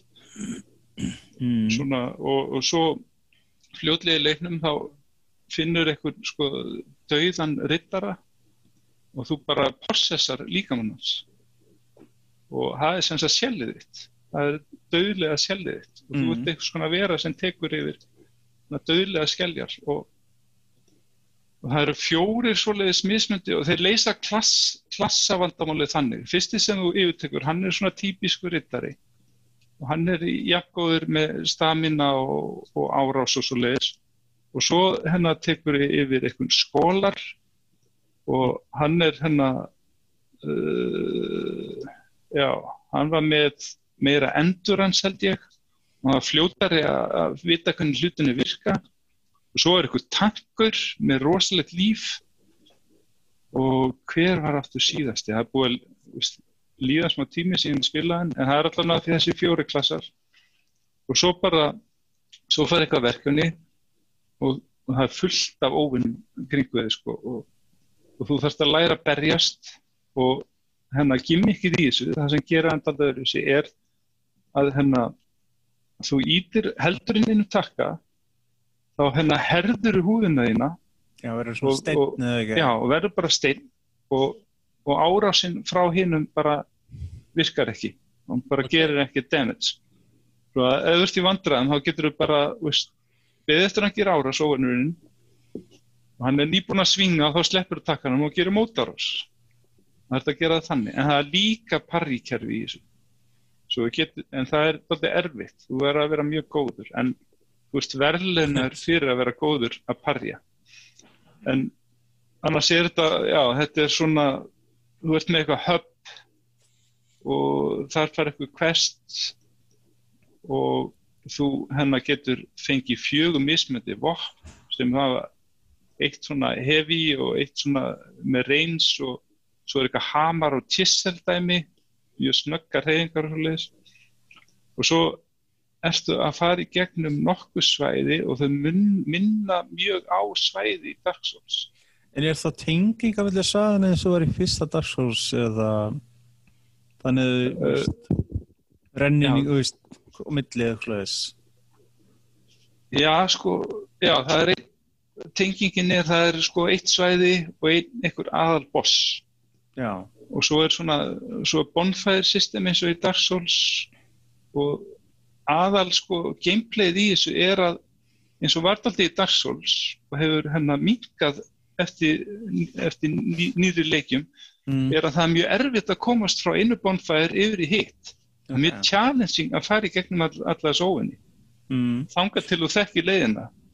Og þess já, miskilst að þeir séu alltaf jafn sterkir eða þessu þeir verða aldrei svona hana, fyrst byrjun óvinnur sé alltaf jafn svona, alltaf stafar alltaf jafn mikil hætt á honum Já, já, einmitt. Þetta er aldrei svona Dark Souls, veist, það er fullt af svona velum óvinnum sem þú getur, þú kannt það, þá drepur það í einu teimu höggum eða eitthvað. En ef þið ná höggja á þér, sérstaklega óvinnir sem svona bropp á hausinn á þér svo býta þig, að mikið af þeim þá bara geta það tepið bara, svo, þetta er challenging. Já, þetta er uh, en, en þetta er ódýra leikur. Þetta er Já, ekki stór leikur. Hann er 30 dólar ég út í bandarækjanum sem er heldur gott sko, ég meina þetta er þetta er gott stöf, ég er mjög ánægð með þetta sko. Þetta er fyrsti leikur fyrirtækisins sem stafna 2017 sagði ég. Ég skilst að þetta sé ykkur gamlir í hettinu. Já, þetta er eitthvað svona samansafnað einhverjum gaurum sko. Já, og bara ef þú ert Dark Souls aðdándi þá bara mæli ég Já. Verðið þið hitti vel, mér skilst hann sem var góð dóma, Steinar gaf hann mjög góðan dóm til dæmis. Á heimasíðun okkar. Já, það er smá replayability í honum sko, það eru challenge í honum. Mm. svo leiðis en ja, fyrir verðið þá er hann fín þetta er kannski ekki leikur sem þú veist endalist að spila þannig. Nei, nei, þetta er fínt að þetta í að maður varst að býða eftir til dæmis endurgerina Demon's Souls og fleira, það eru skemmtild Já, að já, eitthvað svona til dæmis að með hann. Fyrir fólk með svona Dark Souls kláða eins og ég fæ stundum sko. Já, Ég verð bara pyrraður að heyra þetta orð sko. Ég, bara, hérna, ég verð bara pyrraður og ég bara svona "Ah, ég, ég, ég er búin að gangi inn allan skalan með dagsfarsleikina sko. You Hata died Baldur að þeim vilja bara grafa á undir grænum torfu, finnast það skemmtilegir? Sko, ég aftur á mútið Sekiro er ennþá eitthvað sem ég bara ræði ekki við. Ég get komist í gegnum dagsfarsleikina ég er ekki góður, ég svindla eins og maður segir vegna sem ég nota hjálp frá öðrum leikmennum og fyrir, og fyrir suma leikmenn sólsleik er það bara helgi spilt auðans að voga sér að gera þetta ekki einn með hendir að benda aftur það bak og lóku augun. En ég er svona típa sem ég ætla að nota alla, all bröði bókinni og alla hjálp sem ég fundið og allar Wikipedia síður sem ég fundið eða eitthvað leist þess að komast að einhverju Já, en það var náttúrulega Sekiro sko, veist, ég, ég er mjög ánægð með hann en mér fannst, hann, fannst þér gera endan, endabartan aðeins og erfiðan Já, ég, hef heyrt það frá jafnvel hörðum sólspilum segja þessi aðeins og Voru eru aðeins missi að reyna að gera eitthvað Uber challenge einhvern Já, þetta er þryggja fasa dæmi og þú þarfst að veist, mastera sko, öll, alla fasana til að komast ég- gegnum. ég er bara að lenda múru veg og komast ekki lengra sko, hérna.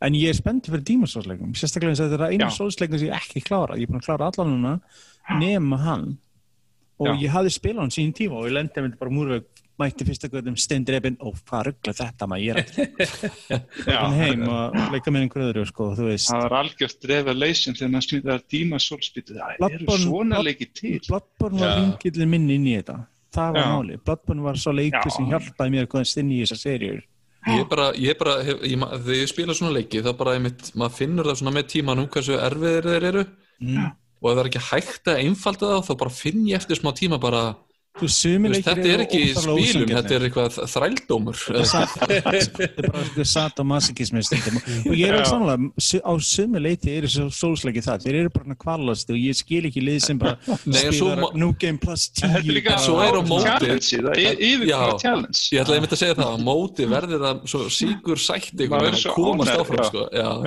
ég er bara ekki þólum með henni sko. þú átt sjens, mér fannst það Já. hann Sekiro, mér fannst það að vera óverfi en mér, eins og með Bloodborne, jú það var rosalega erfitt en þú komst yfir hann, ég mann þegar ég komst yfir skrimslega brunni í fyrsta skipti í, í Bloodborne, ég bara eftir að búin að berja hann að búin að láta hann berja mér sundur og saman í einhverja klukktíma, sko, þá loksins bara, ó, ok ég, ég get Já, já. Mælur með í Mortal Cells fyrir, er þetta fyrir hvert sem er eða er þetta bara fyrir svona Souls Uh, Nei, já. Ég, verðpundurinn, Ég sko. vendpundurinn lítur að hjálpa til, fyrir ég, er ekki, ég er ekki búin að vinna einasta Soulsleik þannig að ég er ekkert að fara að njóta ánægju að Þú kaupa byrjar í Bloodborne bara eins og flestir og Já, þeim verður vonandi með gaman að sjá hvernig það verður á PlayStation 5 Já, ég, Ég er ég spenntur hugsa að sjá. að margir myndu fílan alveg, sko. já, Þú voru samt ekki að lofa því, sko. nei, nei akkurat. Allavega fyrir Souls-aðdand. Já, þannig að þú, sko, svona að einhverja gaggrinni til dæmis eftir steinar eða skoða eitthvað vídeo Já, akkurat.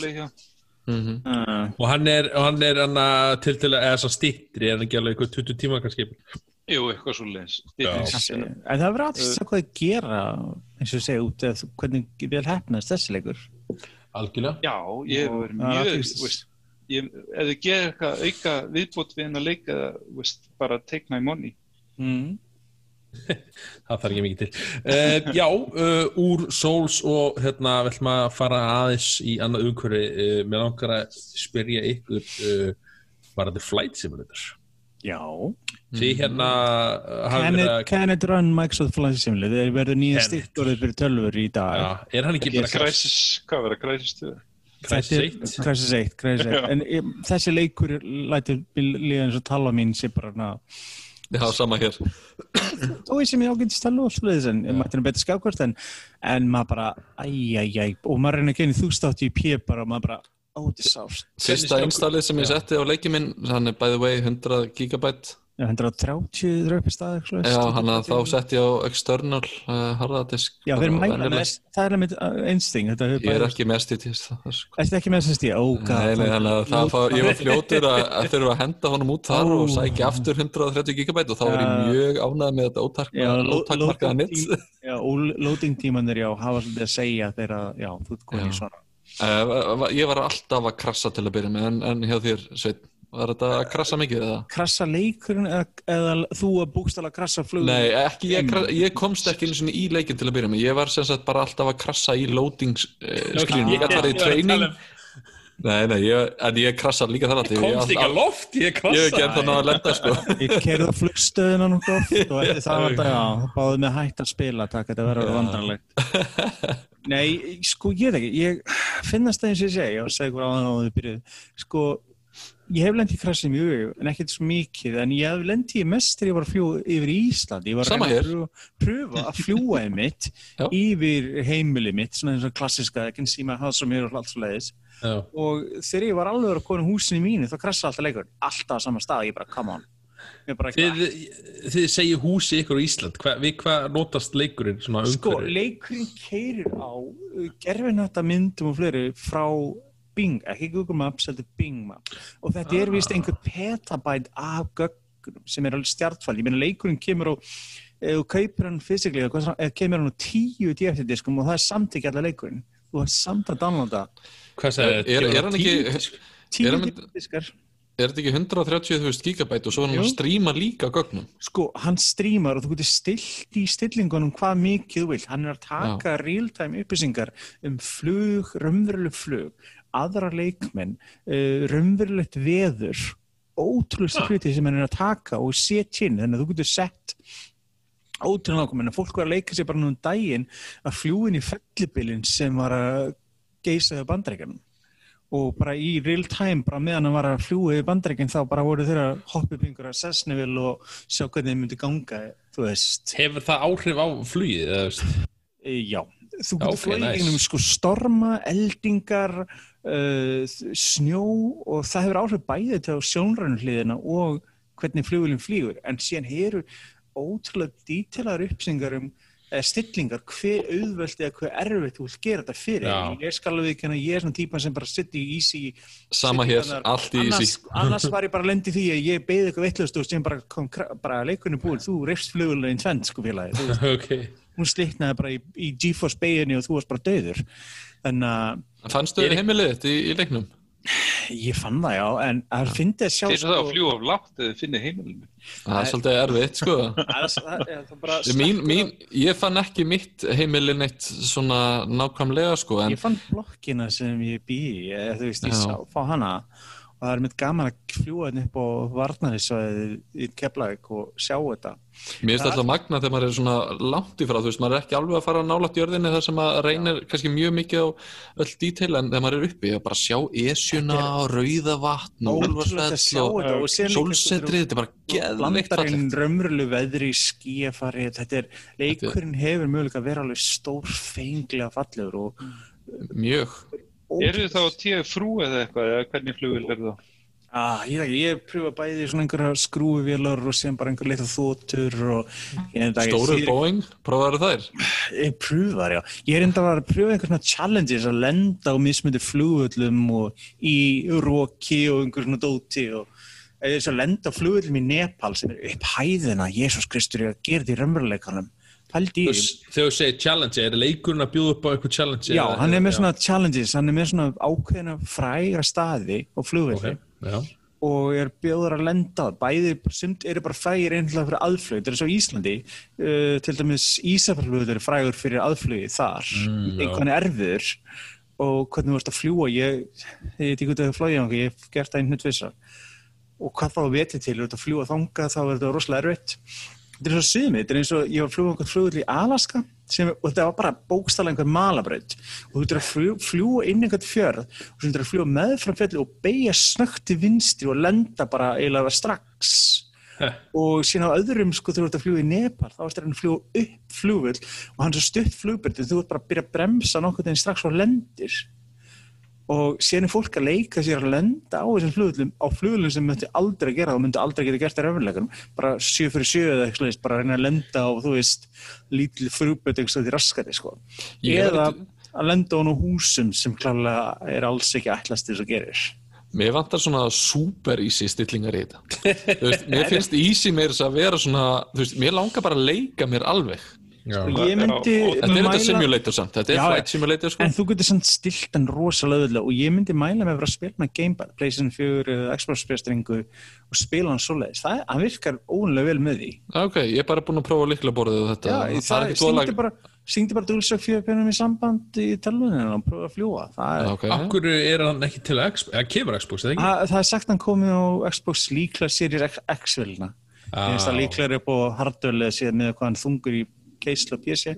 Ok. En þetta er ótrúlegt, þú getur bókstallega flóið hversunni langar í heiminum. Eða dettur í hug staður, þá getur þú flóið hangað.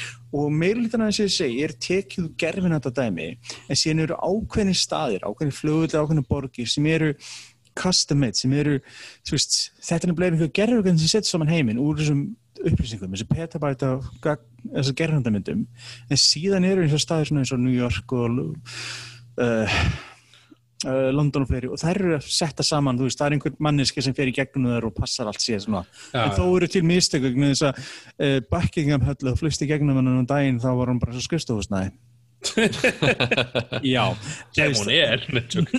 Já, en sum byggingar er ekki, það er út af einhverju læsingdóti eða hlöðis, en sumar, þetta er eins og frækt dæmi, þegar leikum kom út þá var einhver bygging í Ástralíu 112 hæðir. Það Já. var einfallega vegna þess að það var prentvilla í þegar það var slegið inn í upplýsingarnar, það áttum bara tvær hæðir. En hún var orðið 100 og það var bara einhver monolith sem stóð bara landið Já. yngstaður út í raskati bara allt í einu Var það patsað út, veistu það? Ég veit það ekki. Það var svo gúslega fyrir allir var bara skæskrifu bara ekki Já, niður- það var bara einhver bábæði, gríðarlegur. En detail oft þegar þú ert að fljúa eins og Björk segir, menn, þú ert að fljúa yfir landslæðið og fleira, sér ána og fleira og þetta er ótrúð, þetta er ótrúð hvað tæknin hefur náð langt fram á þessu síðust árum og Já, og líka þegar maður er komin búin að ná fluginu og maður er upp í himninum þú veist, þetta er bara, hérna, þú ert ekki að stressa þig á að, að beigja og eitthvað svona, þá Já. maður, þetta er svona bara breathtaking, þetta er bara hvað er það sem getur fallegt, stilt á autopilotin og bara flóið og hort í kringu Já. þú getur meira að segja hoppað úr flugvölinni og bara farið eitthvað með myndalina og kostar ennþá bara loftinu.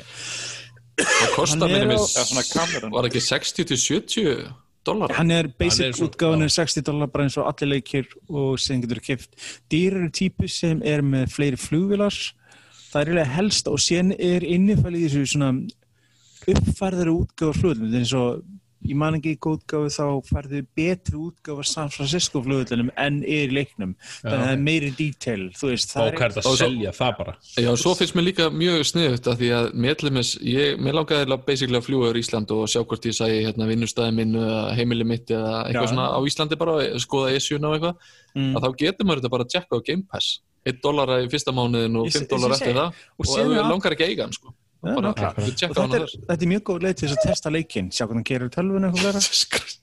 Það verður að bræða mér hérna, ok.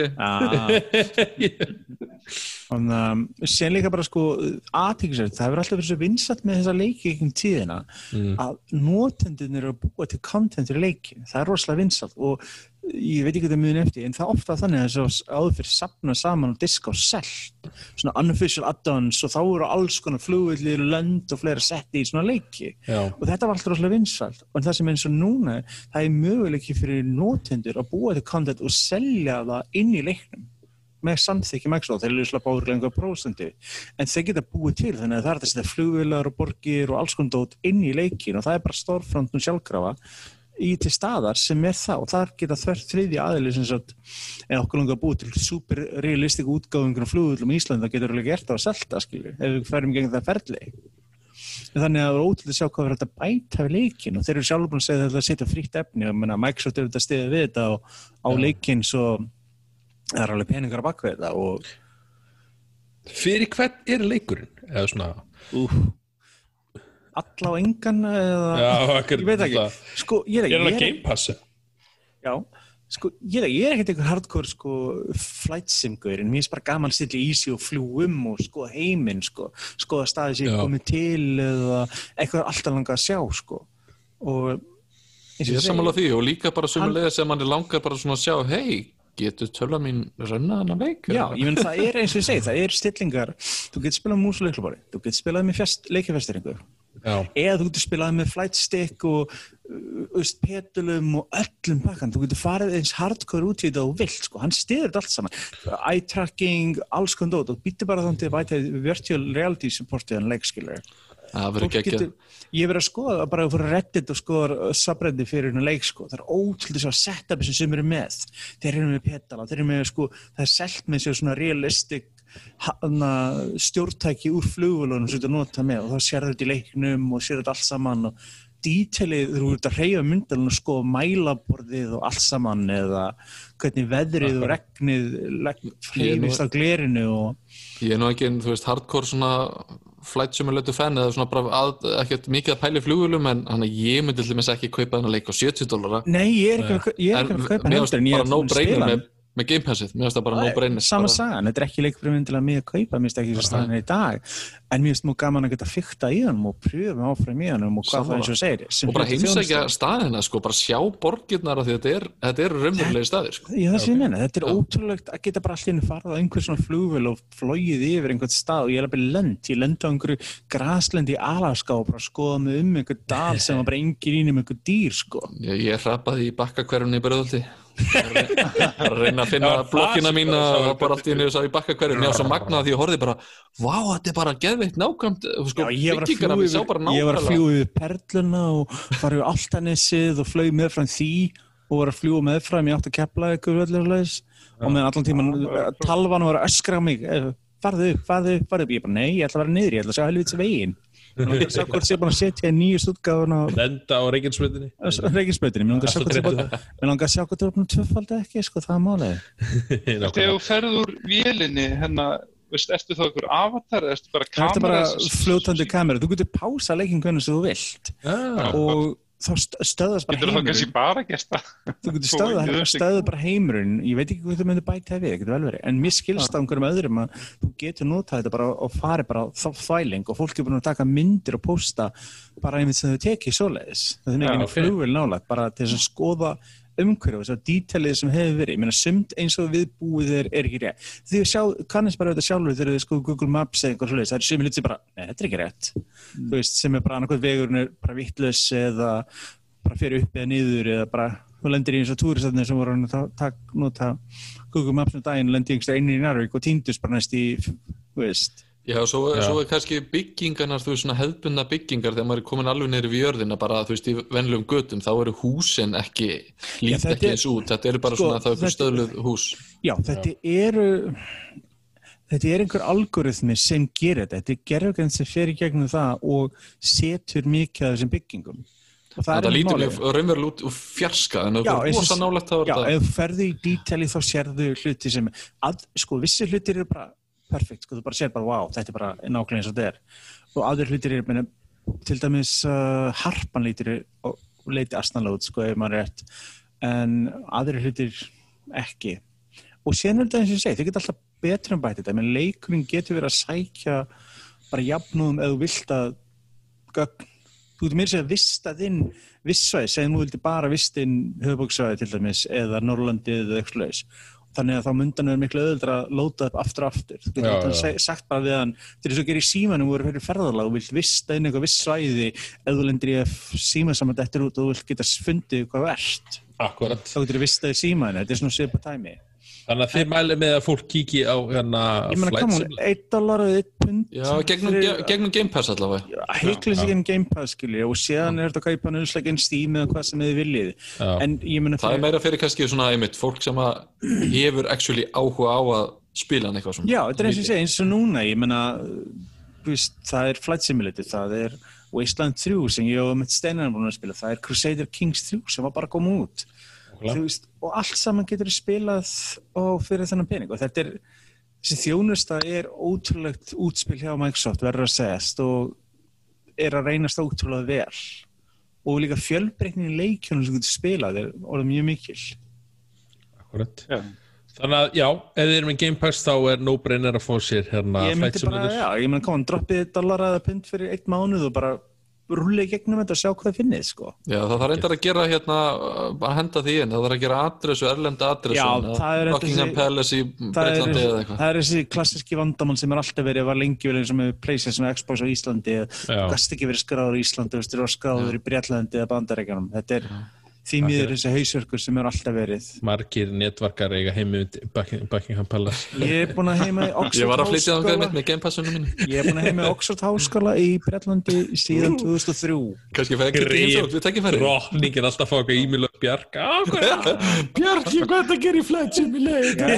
Hey, Oxford háskóli fekk fríkt eintak af Casino Royale Blu-ray í bóði mín Í alveg, Já, þegar þið gáðu út eftir sittur af vélingum út í maningi, þeir sendu út einhverja mynd sem þakklæti eða eitthvað eftir að PSN byrjaði, sendur út myndir og þetta var um flúriutgáð og Casino á heimilisöngi svo skráður ég bara Þannig að það verður rúglega byrst nokkur eintök á þar eða hefða ekki einn pass Fyndið, fyndið. En hérna, já, uh, ég ætla að fara í svona bara á lókumræðina eða svona í, það er hérna á föstudaginn síðastra þá droppuði Nintendo uh, surprise hérna svona óvæntið direkt.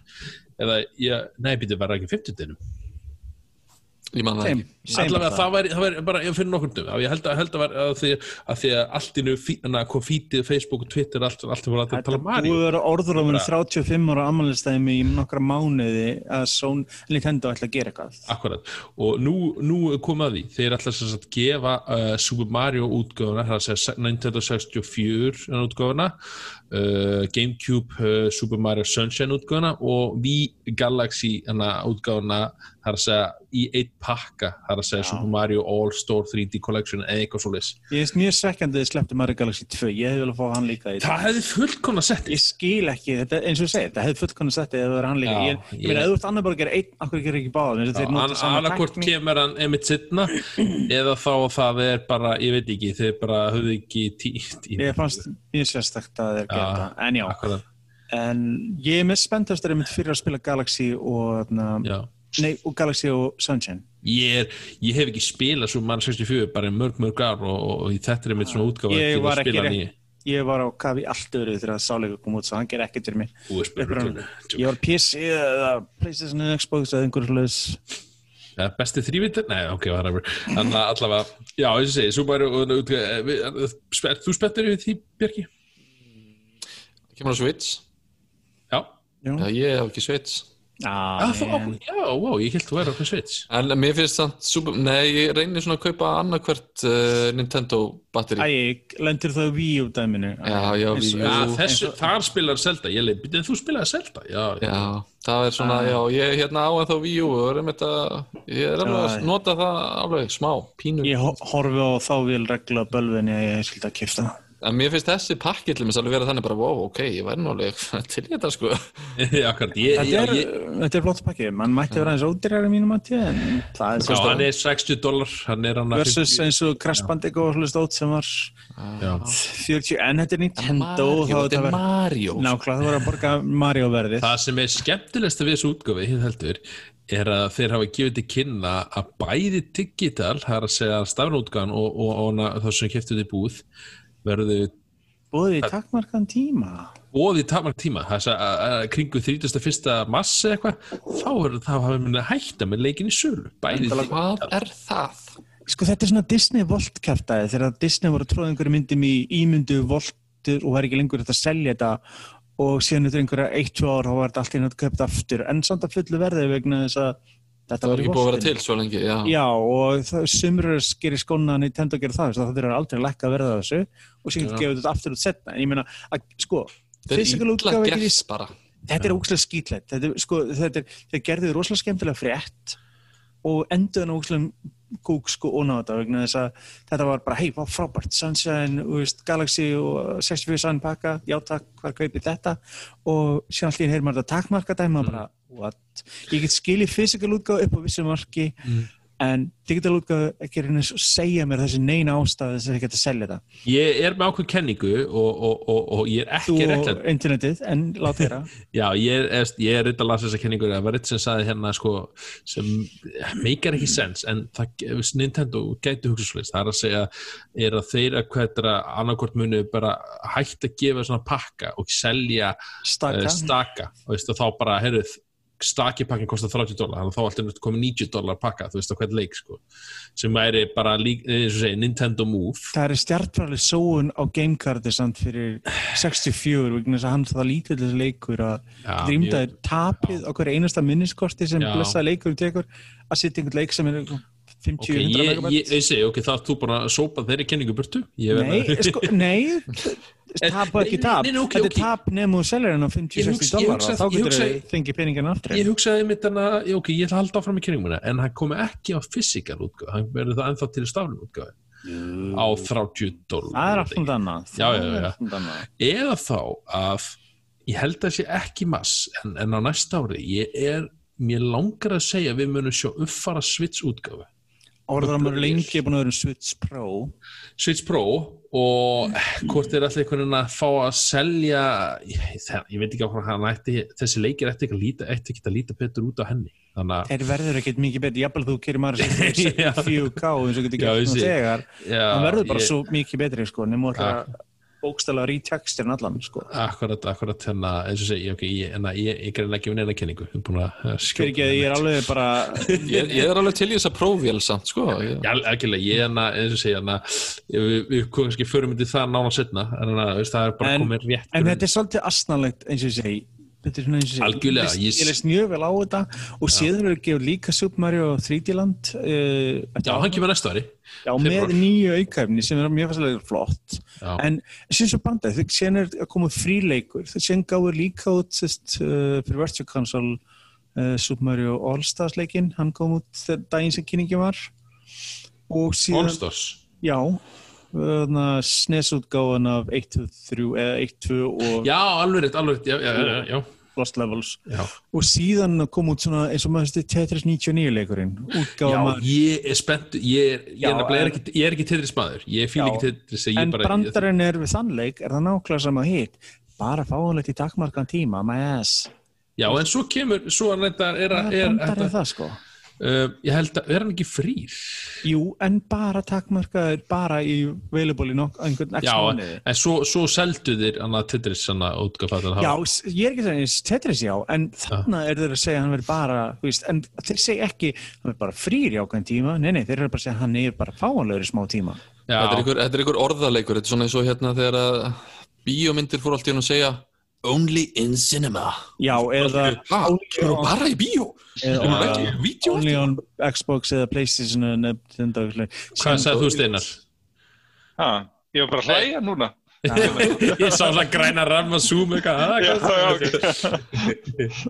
Þetta er, er rosalega eins og þú segir Björksson, þetta er leikur og orðum. Við vitum alveg að þetta munum vera fáanlegt aftur. Ég bara skil- er- ekki hvað er að hugsa. Ég meina þau vilja það bara, ok, við viljum geta selt hann í sex mánuði á full price. Þetta verður svona, oh, we get it Nintendo. But we still hate this idea. það er ekki að Nintendo viti hann þegar að. Þeirra Þessi- markkópur kaupir flest allt sem þið selja. Þannig að aftur er þeir að uh, taka það ósmurt einhvern veginn Þeir eru svona Með þessu. seljið í svona þess að segja svona enna, inn að geðslappa svona anna, hvað segir maður, duleintök eða svartari, láta lítið út fyrir eins og sé sjálf gefur, svo Eh, kaupir allir hann. Nintendo hafa reyndar elskað að gera þetta gerfi skortur Já, gerviskortur, já. já, byrjaði bara eins með Wii og fleira og Switch og fleira þetta, Nes búa, til, búa til hæp fyrir eitthvað sem þurfti ekki vera Já. takmarka, bara einfallega, þetta er eins og brandarinn með einhver leikfang fyrir jólinn sem er til takmarka upplægi, en Akkurat. samt er vörur sem er þrjú miljón eintök tilbúið til að selja þetta en bara en þá heldur verðin uppi og ósprengdi það getur ekki tilbúðsverða Bara neitt eins og, og demantarnir bara. Akkurat. En gaman að segja því að, að þessi leikir koma núna bara 18. september Já, en leikinn eru flottir, leikinn eru flottir Ég, ætla að vera fyrsti maður til að kaupa það Ok, ég skal vera með þrjú þá. Ok, en er líka hérna, hérna með þess að leiki þess að er að segja hérna með hérna eins og segja hérna, það kynntu hérna einmitt hérna, við fórum ekki náttúrulega eins og að 99, þetta 99 þá kemur hérna svona Super Mario Bros þá kemur svona Battle Royale system. Þú þetta spila hérna fyrsta Super Mario leikin og, og því meiri óvinni sem þú drepur, þetta sé 35 spilarar, því, óvinni sem þú drepur, þú færi þá óvinni á næsta skjá hjá öðrum leikmanni þannig að Mm. enda með því ef hann deyr þá er hann úr leik og hann er kannski í númer 20. setinu og, og þú vinnur að vera fyrsti maður sem kemst lengst og li, lifa lengst þannig að fyrir hvern óvissu þú drippur þá, þá getur þú ráðið held ég uh, hver, hvort sá sem er með mesta peningana eða svo sem er með mesta hérna, er komið lengst í leiknum eitthvað svoleiðis og sendt óvinna á þá svona eins og Mm, með. Tetris. Með Tetris þá gafstu svona eitt blóna hana, kössum og þú sendir bara kassa á næsta hana, hana, og, hérna, og þannig virkar þetta. Ég, ég, eins og segi, ég hlakka til að sjá hvernig það kemur út. Um, uh, eins og segi, 3D World kemur uh, í, í, í februar hann spila losnar úr prísindinu sem er Wii U. Wii U, akkurat, þá, er- er leikir tveir eftir. Nákvæmlega. Það er að segja Zelda, bæði Wind Waker og hann að Twilight Princess Já, Uh, gemmið gemmið þá og þá þeir aldrei að Wii svo kynntu þér hana Mario Kart Home tóra eitthvað þá hérna er alltaf komið með svona fjastræða bíl með hana AR að myndavel og sáu þið kynninguna, eða sástu það Bjarki? Ég sá, Nei. ég, horfði það vídeo. Að þú býr til þennan þú, býr, þú verður þennan að fara fjastræðan bíl svo tengir hana við Switch og, og þú ert að leggja brautir niður bara heimstofið þér, þú leggur ákveð svona, Oh svona my spjöld svona, Ég með var svona hugsað til Bjar- Bjarkaði mynd út af þessu. Er Mér langar í við þetta. þú, ég verður að segja þetta treyðið, þú býr til braut með því að setja hana svona, svona fánastöngir ákveð svæði og svo þarf þetta að keira í gegnum með leikin í ringin svona brautina til að búna til og svo ferða hann að spila leikin bara í leiknum og, og þú spilar við þennan svona drauga sem er í sjást í leiknum en þú getur keft Luigi útgáðu líka og, hérna, og þá að þú komið tvo fjastöra bíla Er hann hraðar eða? Nei, held ekki. Eh. En svo er alltaf í þessu. Það er alltaf skil og það er alls konar svona, þú veist, skil og, og bananhýðu og allt í, í, í leiknum sjálfum. Og ef þú notar henn spyrann eins og hann skilina, hittir hann skilina, þá bara svona slöknar á bílnum hans og þú getur framurinn. Vá, að- þetta er geðvikt maður. Þetta er ótrúlega töff, en sko, 100 pund. það sem er kannski vest, verðpunturinn er að hver bíl mun kosta 100 pund. Takk fyrir pent. Jep. Það er. Mario, Mario útgaðan og Luigi útgaðan, já. Ég var að vonast að, ég var að vonast að myndi til að mynda vel, þú getur bara svona tekið hann af og sett hann á Luigi hefðu aukt, og þannig Það kemur er fleiri- auðvelt maður. Já, ég- nei, ég er að segja, þessi held ég myndi selja bíla með því að gefa út Princess Peach og svo bara setja myndavelina með fattari Já, það eru betri hundur útgöð, ég veit ekki, ég er eftir að koma allt maður Já, ég, mér finnst þetta samt, ég elsku svona nýjungar. Þetta er eitthvað svona allt öðruvísi bara. Þetta er svona Nintendo, ég ekki að koma óvart ég, von, ég vona samt innilega að þetta verði ekki svona næsti Mario Kart leikur, ég vona að þetta þessi hanna, er 9 eitthvað. Sé, þetta var svona helsta kynningun við sá Mario Kart, Mario þetta var svona uh, til að fagna anna, anna 35 ára Mario uh, Já, og sinn gáður þetta Game Watch stóð líka Já, plus- ég spenntið því. Segi, þetta var almennt vel flott kynning og ég var alveg til að segja alveg sambarlegt gert við seldalegina næsta ári. Næsta ári þá hún Svip- 35 eitthvað, eitthvað svona svipadæmi Já, en bara það takmarka tíma það er það var eitthvað En hvað, er, er, er þetta official, þú veist, frá Nintendo, hans er 35 ára eða? Já. það er í Já. öllum Er, er þeir að auglýsingunum miða og- sem sagt við þetta stjörnuamæli í rauninni? Þeir eru Þegar hann kemur fyrir í bandaríkinu þar. Nei, ég veist þegar Super Mario Bros. kemur út, hvenær komur út, þannig að 85? 85 85 í, já, í, já, já. Þannig að þau taka ekki með Jumpman og svona.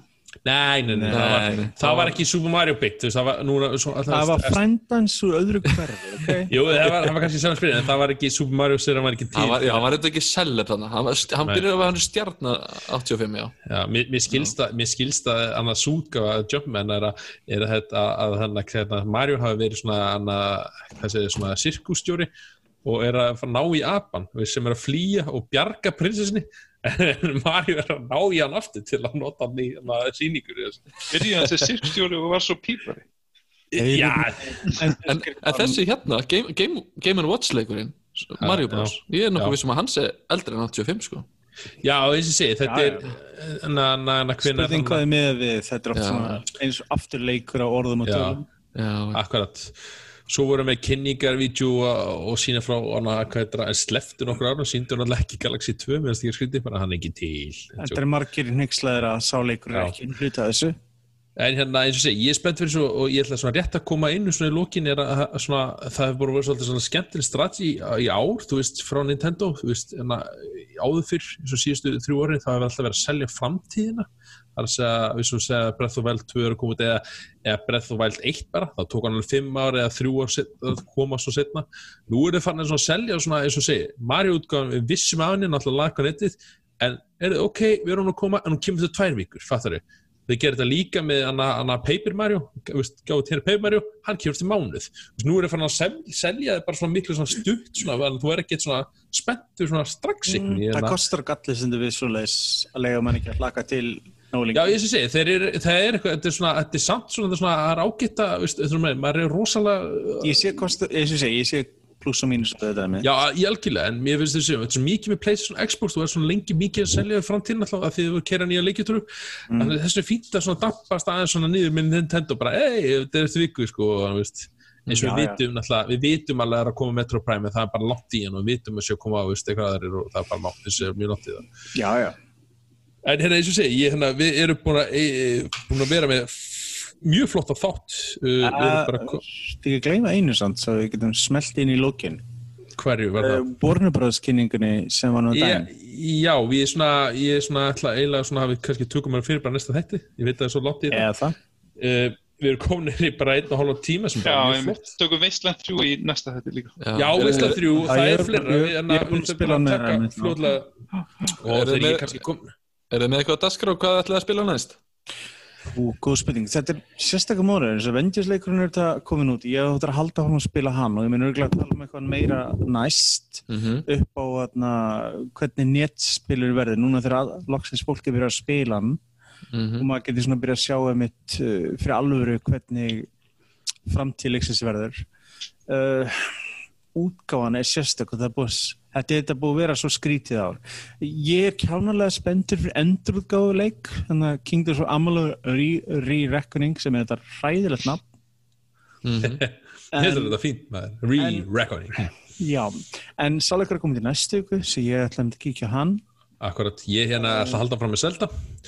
Á Áfram tvo með eftir. svo- Eh, Tvo, nei, vá, ég var hvað fimm eftir.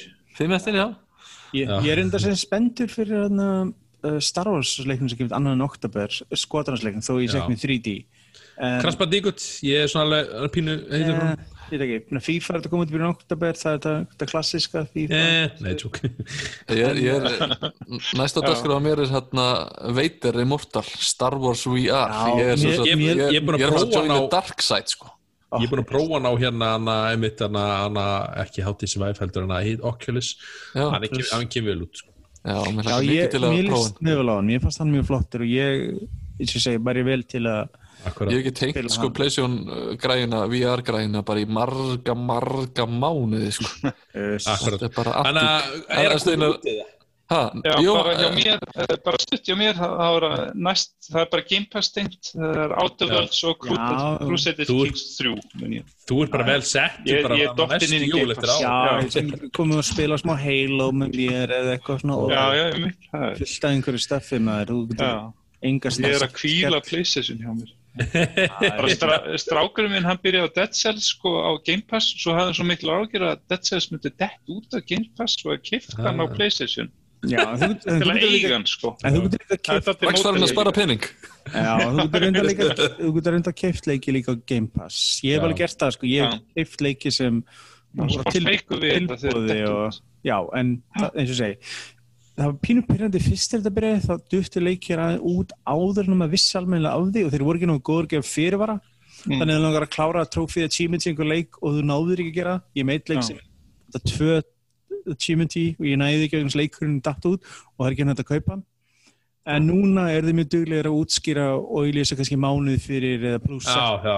þessu leikur dettur út þennan dag og hann er á, þetta til, spila. og hann er á tilbúði þanga til eða eitthvað svo leiðis þannig að pikkaði hann upp ódýrara og whatever og eitthvað enn viðleik að spila hann og þeir sjá það, þá gefa mann smá sjans er það ekki til að Ég veit ekki hvað gerist eftir að leikum þetta eftir út. Ég held að þú getur ekki spilað hann bara bókstallega er. Hún getur aftengja netin, hún vil samt netingast til sannreina, þú veist. Ég prófið það næst þegar Reddit er þetta út eða eitthvað Já. Herði, hérna, já, hérna vil bara endur, já, þakka hlustum hana, bara fyrir að hlusta á þáttinn og hana, við bara heyrim ykkur fljóðlega og, Við vonandi voru komið verð á PlayStation 5 en ég, Eh, býst ekki við ég veit ekki. Hvort þið verðum ennþá að tala með hennar brandar í næstu, næsta þætti. Ég held að það veri komið fyrir næsta þátt, ég held að.